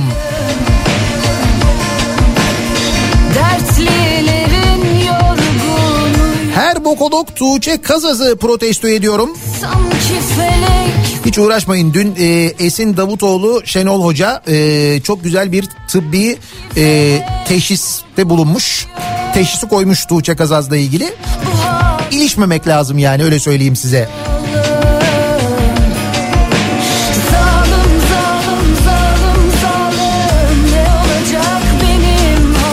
Deprem korkuttu hepimizi. Lakin insanı üzen depremin gün yüzüne çıkardıkları bunca olumsuzluğa rağmen kimsenin sorumluluk almayıp istifa etmemesini protesto ediyorum. İmar barışı çıktığında bu konuşmayı yapanları, alkışlayanları protesto ediyorum diyen var.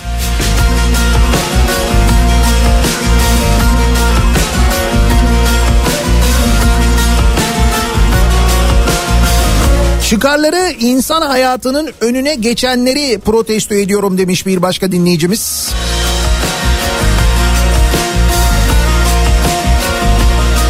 Adım Alya 9 yaşındayım. AFAD kostümü giyen dolandırıcıları protesto ediyorum. Böyle yapanlar var biliyorsunuz değil mi? Deprem bölgesinde. Mahzuni'nin kanadını Mahzuni'nin kanadını Kırıp kırıp yolan zalim zalim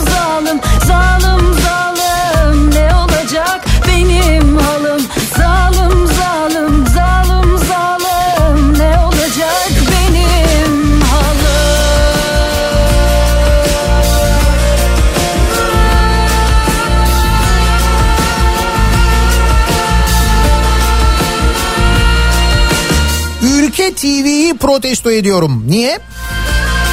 Dün akşam Ülke TV'de yayınlanan programda bunu tartıştılar. Neyi tartışmışlar? 99 depreminde devlet neden yoktu konuşmuşlar Ülke TV'de. Ya hakikaten aklınızı yitirmişsiniz siz ya gerçekten.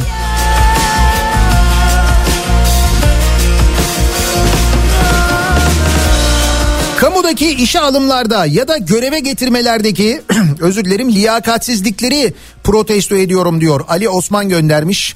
O liyakatsizliğin e, ne kadar önemli bir mevzu olduğunu ve insan hayatına nasıl kastedebileceğini şu anda hep beraber görüyoruz, yaşıyoruz değil mi? Kimler ne görevlere getirilmiş meğerse.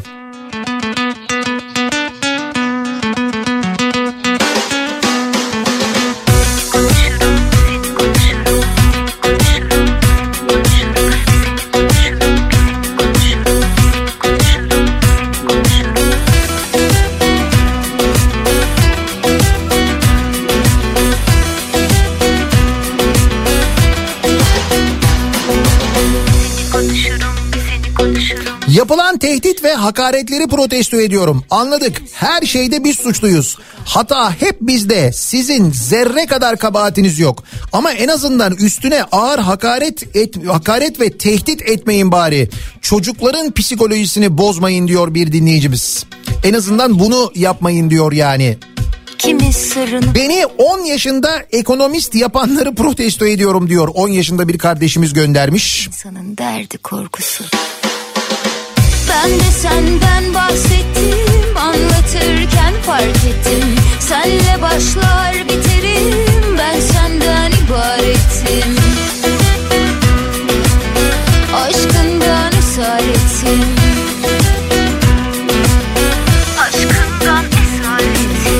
Seni hatırlatır bir şey bulurum. Sayın Sırdar hastaneleri ve okulları güçlendirmek mi önemli yoksa Kanal İstanbul mu önemli?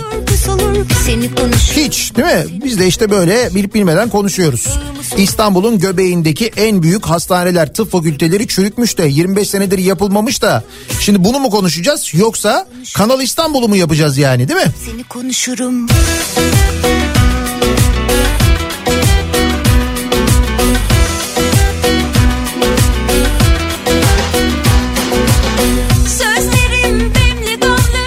Şeyin farkında olup hiçbir şey yapamamayı protesto ediyorum.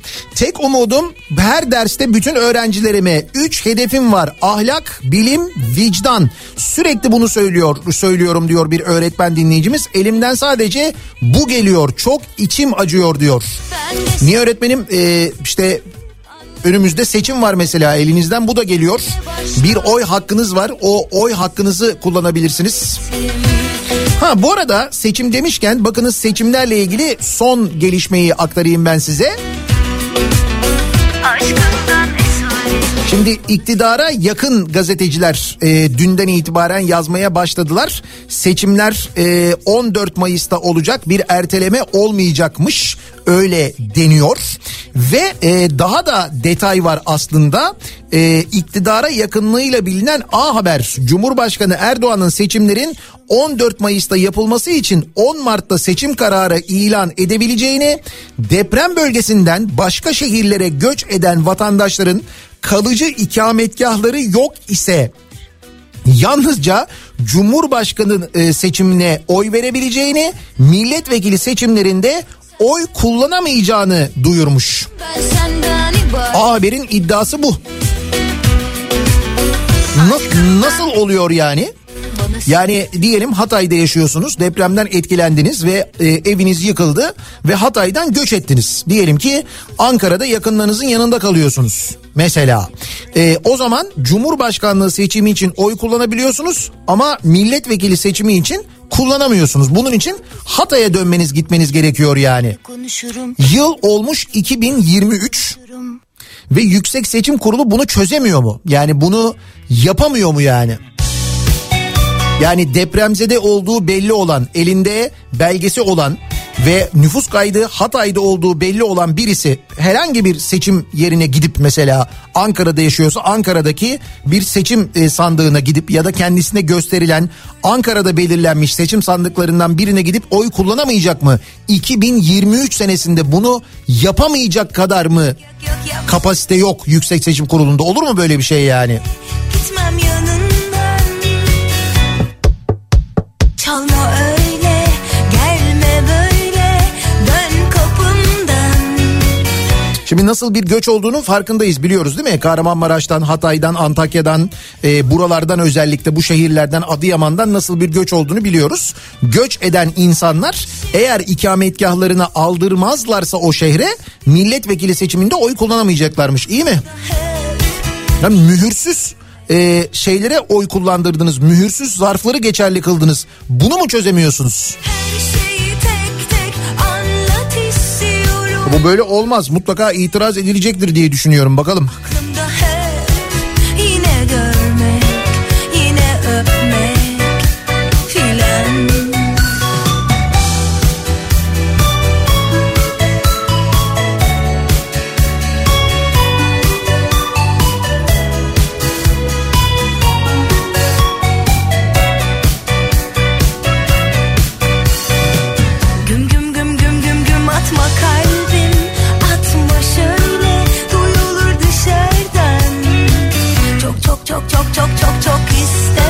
O zaman yurt dışındakiler neden oy kullanıyor diye soruyor dinleyicilerimiz.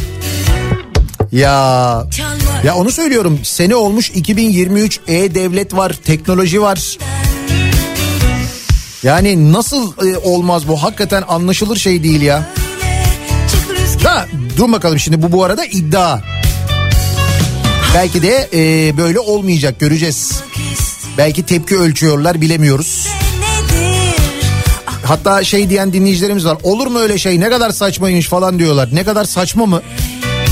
İstanbul seçimlerinin niye tekrar edildiğini hatırlıyor musunuz siz? Aynı zarfın içindeki dört oydan bir tanesinin çalındığını iddia edip tekrarlattılar. Neden siz saçma derken neyi kastediyorsunuz? Biz bunu gördük yani.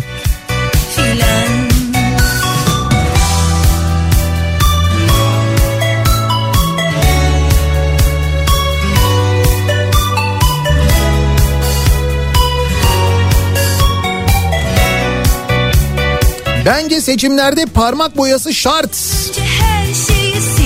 Öyle e, istekler var dinleyicilerimizden.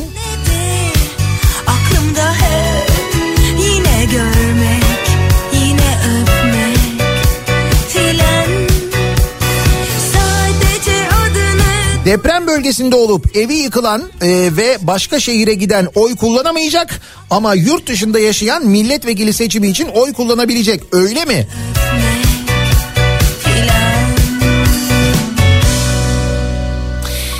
Göreceğiz bakalım nasıl olacak gerçekten böyle mi yapacak yapabilecekler mi böyle olabilecek mi onların hepsini beraber göreceğiz. İzmir'de yaşayan ve az önce bahsettiğiniz hastanelerde görev yapan bir tıbbi mümessilim. Bugün olabilecek bir depremde ki inşallah olmaz. Ege Üniversitesi Hastanesi'nin durumunun iyi olmadığını düşünüyorum. Ama ne olursa olsun TOG'u kimse durduramaz değil mi diyor İzmir'den bir dinleyicimiz. Tatil geldiği zaman Deprem sonrası kiraları fahiş arttıran ev sahipleri ve emlakçıları protesto ediyorum.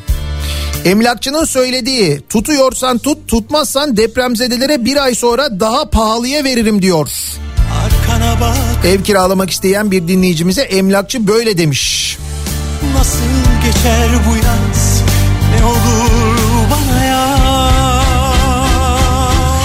Hakareti ve tehdit edenleri protesto ediyorum diyen var. Sen bir ömre bedel. Yok yok yok. Gitme gitme. Gel. Eylül'de gel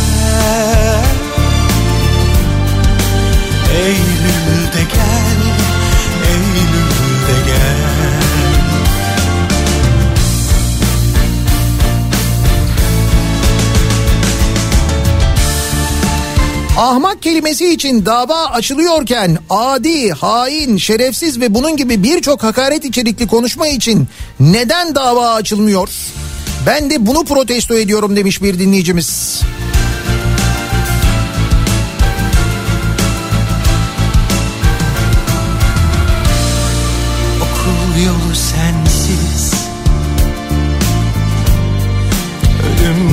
Soğukta aç yatarken özel villasına AFAD çadırı kuran yöneticileri protesto ediyorum.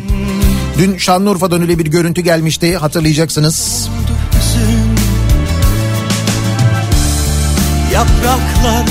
Ekşi sözlüğü kapatanları protesto ediyorum diyor bir dinleyicimiz.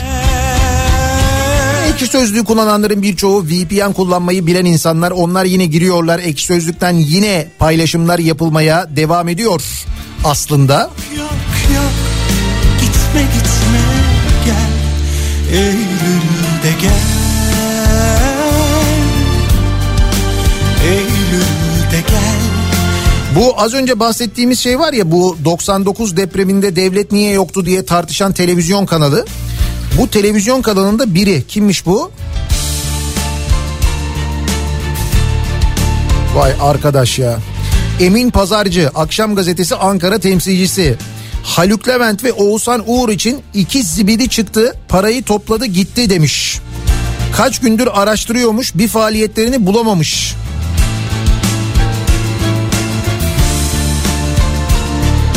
Ya şurada ekranda 5 tane tip var. Beşini toplasan Haluk Levent'in tırnağı edemezler de. İşte biz de söyleyemiyoruz. Biz söyleyince çünkü suç oluyor, kabahat oluyor. Bunlar çıkıp istediklerini söyleyebiliyorlar. Dava etsin bu tipi ya. Emin Pazarcı dava etsin Haluk Levent. Allah aşkına Ahbap'tan biri dinliyorsa beni ya da Oğuzhan Uğur'un ekibinden birisi dinliyorsa çıkartın kardeşim dün akşam Ülke TV'nin kayıtlarını. Bu adam hakaret etmiş size. Hakaret de etmiş, hedef de göstermiş sizi. İftira atmış size. Şu Emin Pazarcı'yı dava edin Allah aşkına ya. Bu nedir artık bu kadar kolay bu kadar kolay mı yani gerçekten bu kadar kolay mı ya? Ne sazdan ne sözden ne de dosttan güç alıyorum Aşırı pahalılığı protesto ediyorum. Resmen soygun gibi artık. Bunu denetleyecek hiç kimse yok mu diye sormuş bir dinleyicimiz. Bir ekonomik krizin hala göbeğindeyiz. Bu arada deprem konuşuyoruz sadece ama zamlar gelmeye devam ediyor. İstemem iltimas ama gel bir sarıl Yavaşlasın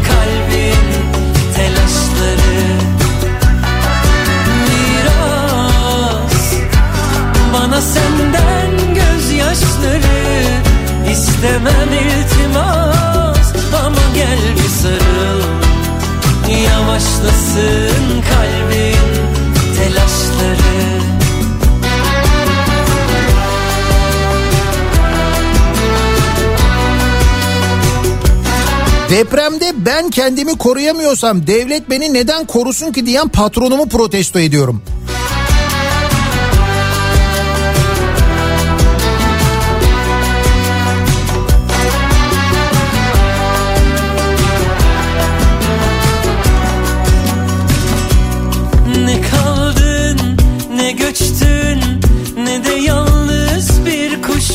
Şubat'ta 67,5 liraya aldığım sucuk dün itibariyle 89 lira oldu. Ertesi gün yani 16 Şubat'ta 78 liraydı. Bu hafta içi bir 10 lira daha gelmiş kilosuna değil. Bir kangal 400 gramlık pakete. Şikayet ettim bakalım ne olacak. Bakan Ticaret Bakanlığı'na şikayet ettim diyor. Yavaşlasın kalbin telaşları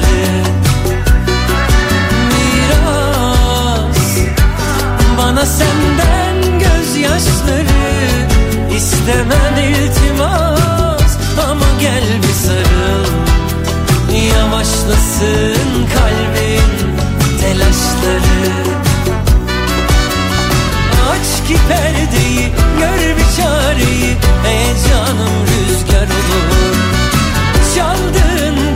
En riskli deprem bölgesinde olan İstanbul'un Şirin ilçesi Silivri'ye 500 metre yakın denizin içine Türkiye'nin en büyük gaz depolama istasyonunu yapanları protesto ediyorum diyor bir dinleyicimiz. E, Saros'a yapılan liman işte. Hem e, doğanın çevrenin içine ettiler hem de Saros'ta deprem bekleniyor mesela. Depremin en fazla etkileyeceği yerlerden bir tanesi Saros. Saros Körfezi ve oraya e, LNG limanı yaptılar biliyorsunuz. Yer seçimi konusunda son derece isabetliler. Her zaman olduğu gibi son derece yetenekliler aynı zamanda. Gazetelere bakalım bir yandan sevgili dinleyiciler. Bir yandan da tabii mesajlar gelmeye devam ediyor. Protesto mesajları gelmeye devam ediyor dinleyicilerimizden. bana senden Cumhuriyet'in manşeti kürsüde tehdit sokakta çekiç. Depremdeki hatalarını gizlemek isteyen iktidar kutuplaşmayı arttırdı diyor Cumhuriyet gazetesi. E başka nasıl e, hedef şaşırtacaksınız? Başka nasıl yapabilirsiniz bunu? Kabahatinizi başka nasıl gizleyebilirsiniz? İktidar Kahramanmaraş merkezi depremlerde sınıfta kaldı. Gerçekleri dile getirenlere meclis kürsüsünden yapılan not alıyoruz tehdidi dün sokağa inmiş.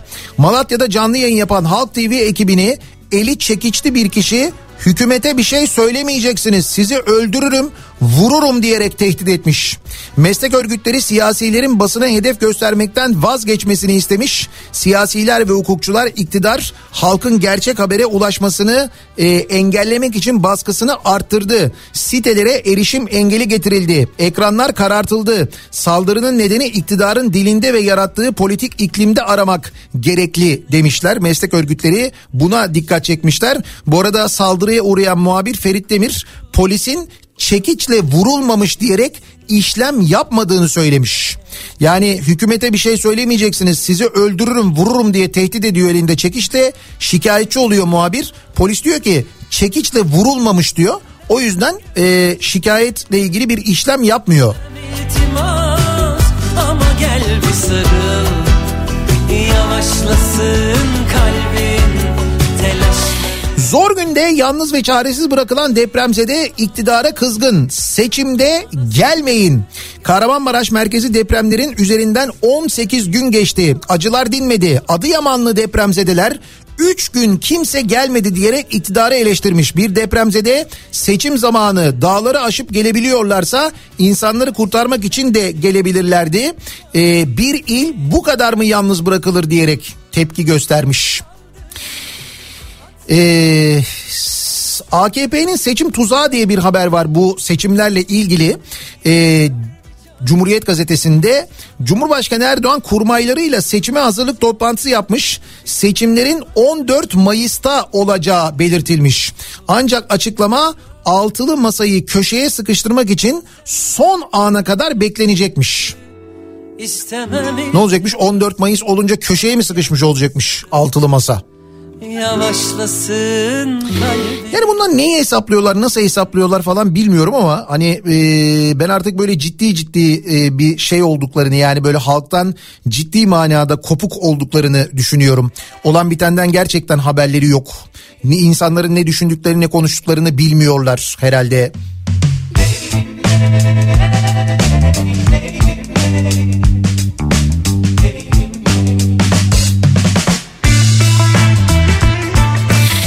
Cumhuriyet Gazetesi'nin birinci sayfasındaki haberlere bakmaya devam ediyoruz. Bebekleri Erbaş kurtardı iddiası. Neymiş bu? Diyanet TV'de Erbaş'ın depremzede bebekle fotoğrafı gösterilmiş. Diyanet Vakfı ikinci başkanı açık bebekler kurtulmaya başladı siz kucağınıza alınca demiş. Uçmuşlar. Çok net yani. Bilimi dinlemediler haberi var. Merkez Nas dedi faizi indirdi. Merkez Bankası politika faizini 50 50 bas puan düşürerek %8,5'a çekmiş. Ekonomi uzmanları kararı iktidarın bilime karşı direnişi yalnız depremde değil ekonomi politikalarında da devam ediyor sözleriyle eleştirmiş. Buradan Az önce bahsetmiştim Covid ölümleriyle ilgili TÜİK'in verileri e, açıklanan verileri gizlemekle eleştirilen TÜİK 2020 ve 21'de 87.334 kişinin Covid nedeniyle yaşamını yitirdiğini açıklamış. Ancak bu veride de tutarsızlık olduğu ortaya çıkmış. Muhalefet gerçek ölüm sayısı 200 bin demiş. Leylim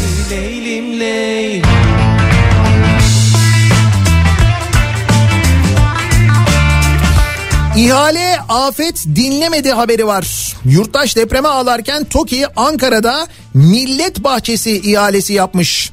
Tarihi Cebeci İnönü Stadı'nın yerine yapılacak park 139.8 milyon liraya mal olacakmış ve ihaleye tek firma katılmış sevgili dinleyiciler. Yani gördüğünüz gibi depremdi oydu buydu işte 43 bin 44 bin insan öldü hayatını kaybetti. Bunlar hiç önemli değil. İhaleler yapılmaya devam ediyor. Ankara'da Keçiören Belediyesi depremin 5. gününde okçuluk kapalı spor tesisi için ihaleye çıkma kararı almış. Daha önce iki kez iptal olan ihale 17 Mart'ta yapılacakmış. Tabii Keçiören'in en önemli ihtiyaçlarından bir tanesi. Okçuluk kapalı spor tesisi muhakkak. Liyakatsizliğe devam. İktidar liyakat tartışmalarına kulak tıkadı. Eski bakanın kardeşi Bilgi Teknolojileri Genel Müdürlüğü'ne atanmış. Eski vekilin oğlu da Nükleer Düzenleme Kurulu'na üye yapılmış.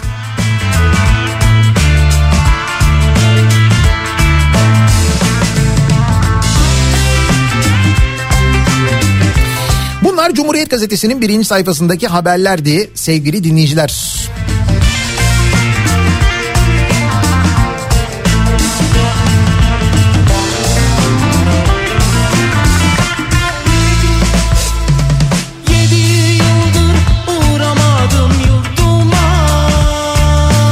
Hataylıyım. Reyhanlı'ya çadır lazım. Buyurun e, deprem bölgesinden yazanlar hala çadır ulaşmadığından bahsedenler var.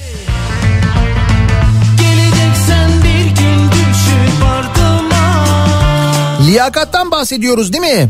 Allah benim ömrümden alsın Cumhurbaşkanının ömrüne katsın diyen temizlik işçisi olarak başlayıp ardından hizmet iş sendikasına atanan oradan yine Bolu Belediyesi meclis üyesi olarak seçilen eee, ve Bolu Belediye Başkanı'na şişe fırlatan kişiyi protesto ediyorum. Çok acayip bir kariyer hikayesi var gerçekten o hanımefendinin. Yani e, başlangıcından itibaren gerçekten de öyle bir kariyer ki anlatılmaz yaşanır. Şu olanlara rağmen insanlar hala nasıl savunabiliyor, nasıl sessiz kalabiliyorlar ak- aklım almıyor. Bir mantık bulamıyorum diyenler var. Tabii birçok insan benzer şeyleri düşünüyor. Çünkü e, hakikaten yani böyle dün bir görüntü izledim ben. E, işte çocuğumu kaybettim, annemi kaybettim, babamı kaybettim diyenler, e, işte e, çadır yok diyenler, vallahi billahi yalan söylüyorlar diye e, bir, bir ziyarette böyle Cumhurbaşkanı'nı anlatan bir tane amca vardı. Yalan söylüyormuş o kadar insan. İşte çocuklarımı kaybettim, eşimi kaybettim, annemi babamı kaybettim falan diyenler yalan söylüyorlarmış. Bak iş bu noktaya kadar gelmiş vaziyette, bu noktaya yani.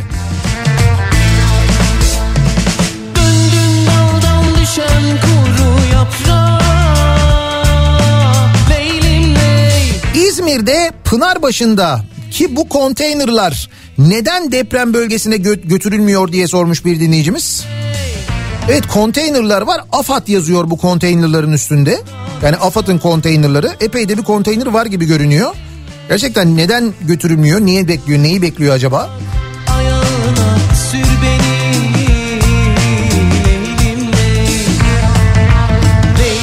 Uzayda bulunan uydulardan atılan demir kazıklarla deprem yapılabil demir değil titanyum kazıklarla deprem yapılabildiğini iddia eden Türkiye Uzay Ajansı Başkanı'nı ve ona inananları protesto ediyorum.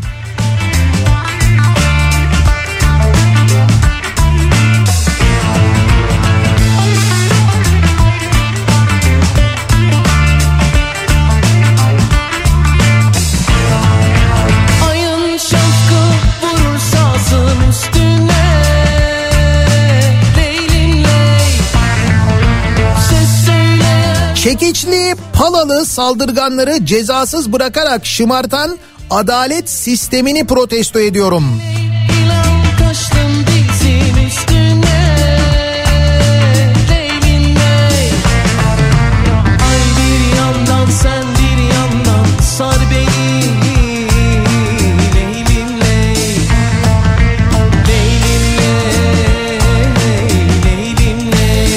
Bankacıyım dün müşterim olan bir firmayı ziyaret ettim. Denizli'deki bu firmanın patronu aracını arama kurtarma ekipmanlarıyla donatmış, hidrolik demir kesme makası almış. Bu hafta arama kurtarma eğitimi alıp tim kuruyormuş. Abi Maraş için geç kalmadın mı dedim. Denizli'de bir deprem olursa işçilerimin yardımına koşmak için yapıyorum bu hazırlığı dedi. Böyle patronlar da var. Herkes de kendi hazırlığımı yapayım, kendi önlemimi alayım duygusu gelişmiş vaziyette farkındaysanız.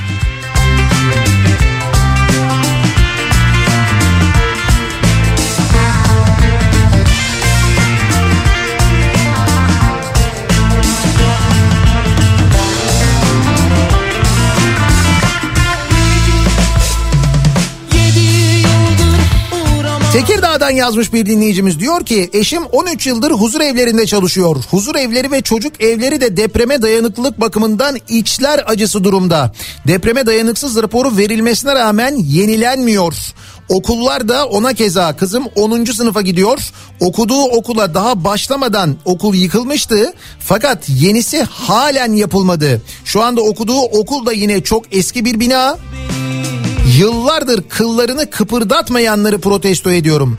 Ya bir ülkenin e, ya da bir şehrin okulları, hastaneleri bu, bu derece kötü durumdayken, bu derece böyle çürük vaziyetteyken bir şey yapmayıp hakikaten e, paraları böyle abuk subuk projelere harcanması, aktarılması, kaynakların aktarılması yani hani bizim gücümüze gidiyor biz çünkü o paraları da biz veriyoruz bu arada. Bizim gücümüze gidiyor falan tamam da hiç mi sıkılmıyor insanlar? Yani bu kararları verenler gerçekten hiç sıkılmıyorlar mı? Yani bu kadar okul var bu okullardan bir tanesi çökse çocuklar altında kalsa falan diye düşünüp o okulları ya bütün kaynakları mesela oraya ayırmak lazım. İstanbul'da Marmara'da bu kadar büyük deprem bekleniyorsa ilk ayrılması gereken bütçe hastanelerin ve okulların güçlendirilmesi yıkılıp yeniden yapılması önce onları yapacaksınız en sağlam malzemeyle yapacaksınız. En sağlam şekilde yapacaksınız. Bütün okulların hem depremden sonra barınma için hem de çocukların bir kere can güvenliği için tamamen yenilenmesini sağlayacaksınız. Hastaneleri yıkıp yeniden yapacaksınız. Önce bunları yapacaksınız ya. Var olan bütün parayı önce bunu harcayacaksınız. Yani gidip o paraları böyle hakikaten saçma sapan şeylere harcamak bir de bunları böyle çok iyi bir şeymiş falan gibi göstermek ya bu nasıl mantıklı gelebiliyor ya da vicdanına nasıl sığıyor insanların ben gerçekten anlamıyorum. Çok kısa bir ara vereceğiz. Ee, tekrar edelim. Cuma sabahındayız. Protesto ediyorum. Her cuma sabahı olduğu gibi e, konu başlığımız Twitter üzerinden de WhatsApp hattımız üzerinden de yazabilirsiniz. 0532 172 52 32 WhatsApp hattımızın numarası. Hemen kısa bir aranın ardından yeniden buradayız.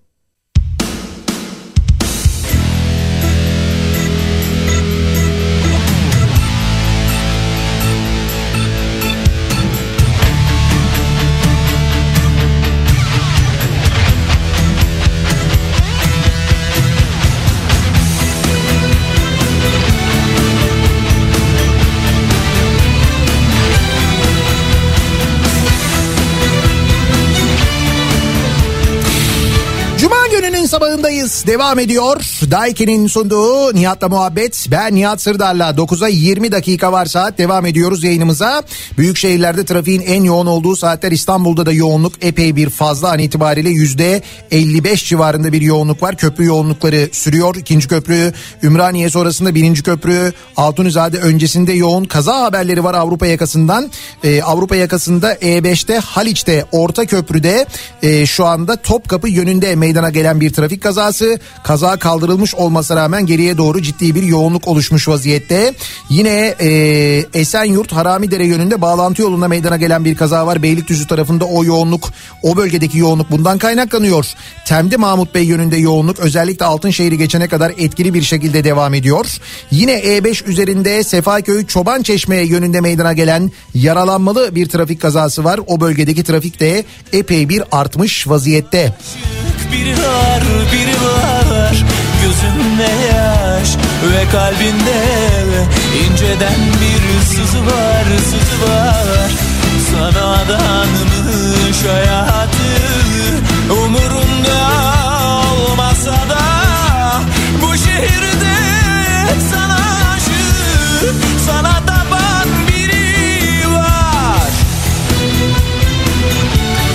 Ben Haluk Levent ve Oğuzhan Uğur'u protesto ediyorum. Bu millete yardım ettikleri için etmeyeceklerdi ki ülkeyi yönetenler için milletimizin ne kadar değersiz olduğunu göstereceklerdi.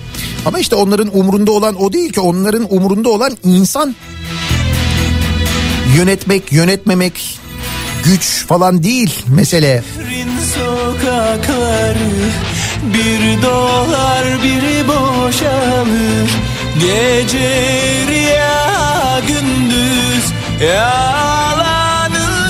yaşanır Fay hattını söküp ülke dışına taşımayanları protesto ediyorum. Nasıl taşımazlar diye soruyor bir dinleyicimiz ki belediyelerin geçmişte planlardan fay hatlarını kaldırdığına şahit olmuş insanlarız biz. Çadır yok çadır hala çadır yok Defne ve Samandağ ilçelerinde diyor bir dinleyicimiz. Çadır vermeyenler veremeyenler şehir kuracaklar. Kimlerin o kuracakları şehirlerde yaşamalarını istediklerini de görüyoruz burada diyor. Deprem bölgesinden bir dinleyicimiz yazmış. Bir sızı var sızı var Sana danmış hayatı Umurunda olmasa da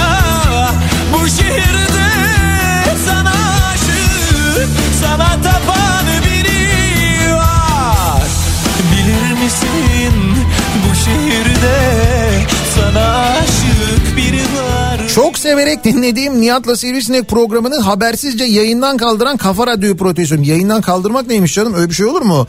Dedik ya size bir ara verdik şu şu durumda şu ortamda nasıl Nihat'la Sivrisinek yapabiliriz diyerek depremden sonra Nihat'la Sivrisinek'e bir ara verdik. Bir mizah programı çünkü Nihat'la Sivrisinek.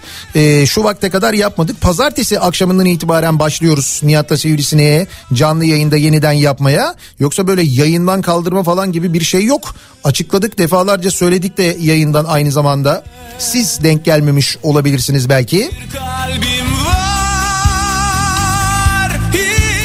Bir gün gazetesine bakalım. Bir gün gazetesinin birinci sayfasında neler var? Hangi haberler var?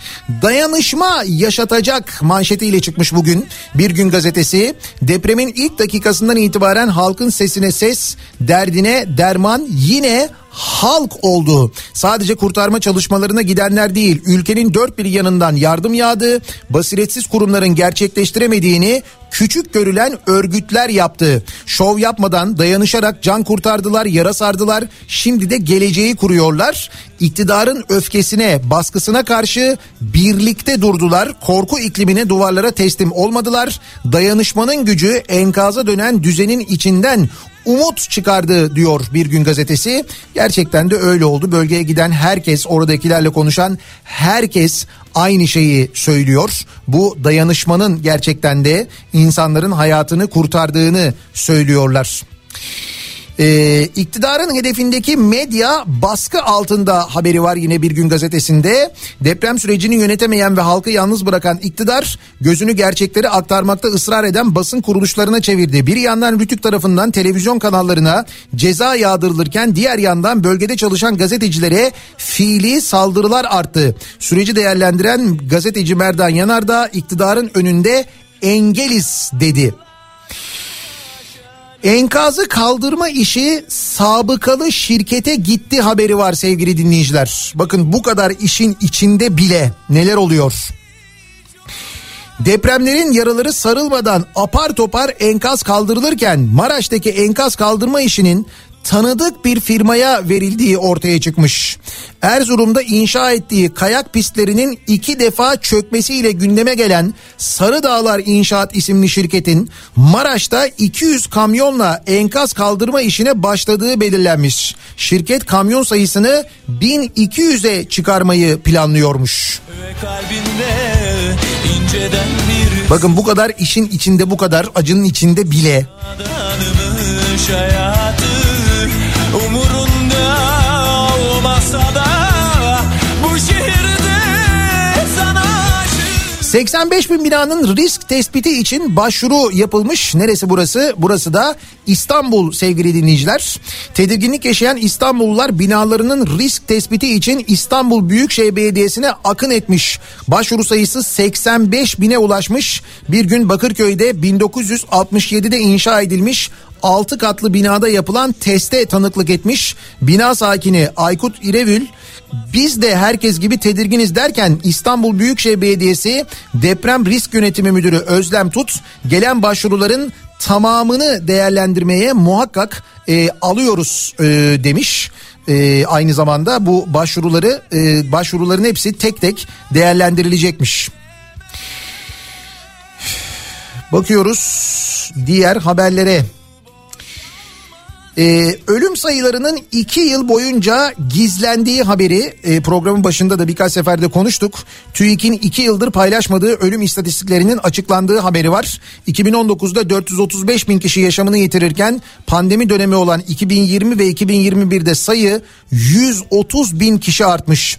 Açıklanan ölüm sayısının gerçekleri yansıtmadığını söyleyen uzmanlar TÜİK verileri bizim haklılığımızı kanıtladı demişler. Liyakatsiz atamalar devam ediyor. Yine bunca işin arasında bakınız. Liyakatsizliğin, iş bilmezliğin büyük bir felakete yol açtığı depremin daha enkazı kaldırılmadan AKP'nin torpilli atamaları devam ediyor. Eş dost atamaları yaygınlaştıran, eş dost atamalarını yaygınlaştıran AKP seçimlerin yapılmasına kısa süre kala yeni atamalar yapmış. Bakanlık dışından pek çok isim yine büyükelçi olarak atanmış.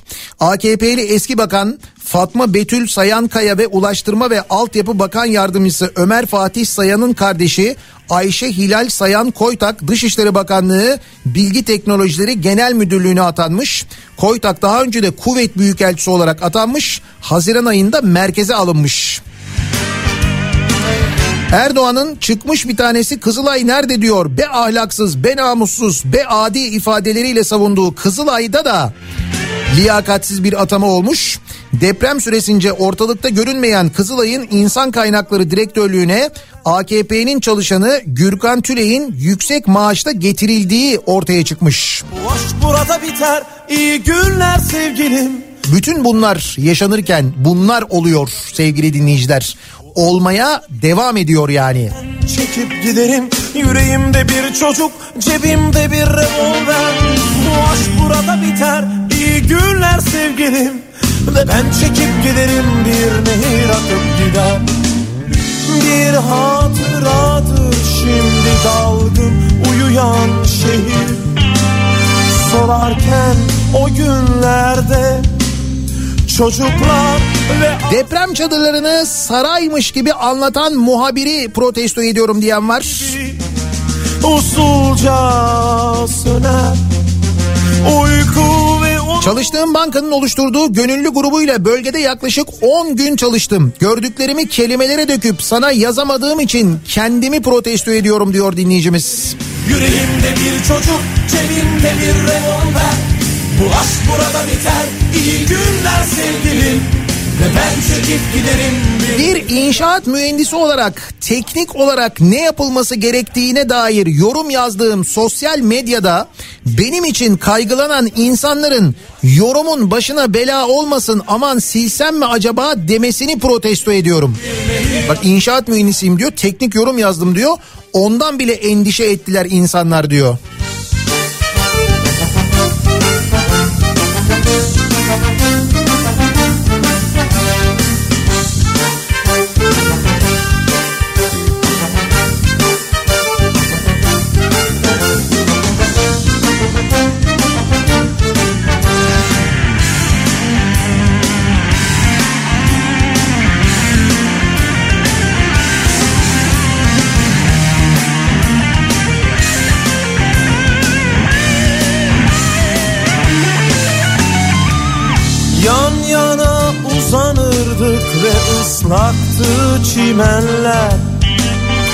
Kadar güzeldin sen. Nasıl eşsiz bir yazdı Bunu anlattılar hep. Yani yiten bir aşkı. Geçerken bu dünyadan Bütün ölü şairler Depremde dört yakınımı kaybettim diyor bir dinleyicimiz. İskenderun'da ikamet ediyorum. Depremden sağ çıktık. Akrabalar Antakya merkezde. Eşimin ablası ve eniştesi enkazda ilk deprem anında vefat etti. Birinci saatte enkazın yanındaydık. İki yeğenimiz var 25 ve 28 yaşlarında. Seslerini duyuyorduk enkazdan. 36. saatte Ataşehir Akom ekiplerince sağ olarak çıkarıldılar. Salı günü akşam saatlerinde Adana'ya sevk edildik. Tedavileri burada yapılmaya başlandı. Küçük olanı maalesef kreş sendromundan kaybettik 4 gün sonra. Ee, birinci durum şöyle ölüm raporunda çoklu organ yetmezliği yazıyor bu yeğenimiz için. Deprem istatistiğinde iki ölüm ee, iki ölüm iki yaralı olarak kaydedilmişlerdi. Sonrasında üç ölüm bir yaralı olarak düzeltilmediler. Dolayısıyla verilen ee, ölüm sayılarında yaralı olarak sayılan depremzedeler vefat edince yaralı sayısından düşülüyor. Fakat ee, ölü sayısı arttırılıyor mu? Bunun net bir şekilde açıklanmasını istiyorum.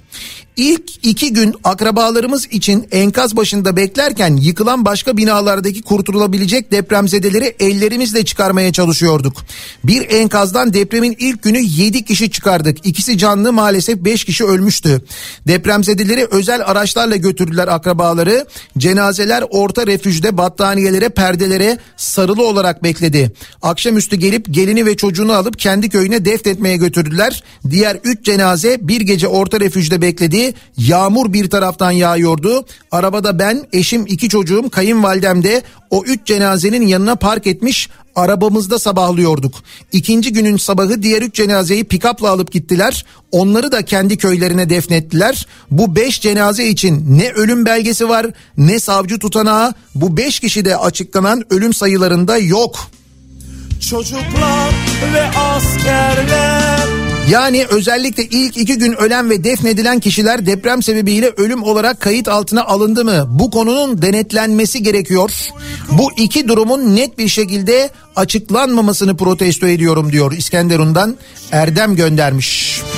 Bu aşk burada biter ve ben çekip giderim Yüreğimde bir çocuk cebimde bir revolver Bu aşk burada biter iyi günler sevgilim Ve ben çekip giderim bir nehir akıp gider Bu Deprem bölgesinde ne yaşandığını düşünüyorsanız, ne hayal ediyorsanız e, gerçekten onların e, kat be kat fazlasının yaşandığını her geçen gün, her geçen saat öğreniyoruz.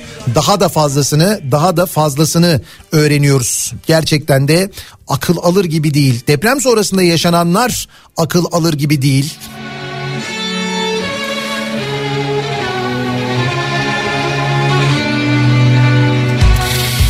Birazdan Kripto Odası başlayacak. Güçlü Mete Türkiye'nin ve dünyanın gündemini son gelişmeleri aktaracak sizlere. Deprem bölgesinden gelişmeleri aktaracak konukları olacak.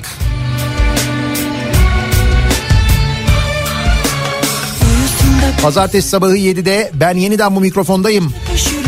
Pazartesi akşamı da aynı zamanda Nihat'la Sivrisinek'le yine mikrofonda olacağız. Pazartesi akşamı tekrar görüşünceye dek sağlıklı bir gün, sağlıklı bir hafta sonu geçirmenizi diliyorum. Hoşçakalın. Dertlerime sürüsün Oğlum kızım uyusun Evvel zaman içinde kalbur saman içinde. Çok da uzun olmayan belli bir zaman önce. Çok da uzak olmayan çok güzel diyarın birinde. Bereketi dillerden düşmeyen bir köy varmış Denizi de bilirmiş, dağı da bilirmiş bu güzel köyün insanı. Yağmurda yürür, karda kayar ama güneşli günleri severmiş. Meze yaparmış bu köylüler iki kadehe tüm acılarını. Böylece birden unutuverilmiş geçmiş dargınlıklarını Aslına bakacak olursan çok zenginmiş tarlaları. Ama ne dedi bilinmez bu köylüler her daim fakir. Yokmuş galiba köydeki kargaların bunda bir etkisi. Böyle gelmiş böyle gidermiş ne de olsa Allah'ın yazısı. Dayanamamış biri sonunda kargalara baş kaldırmış. Hakkımızı yiyorlar deyip bütün köyü ayaklandırmış. Sonunda başa çıkmış köyü istila eden kargalarla. Ama kendisi de göçüp gitmiş. Tabii eninde sonunda. Uyusun da büyüsün ninni. Tıpış tıpış yürüsün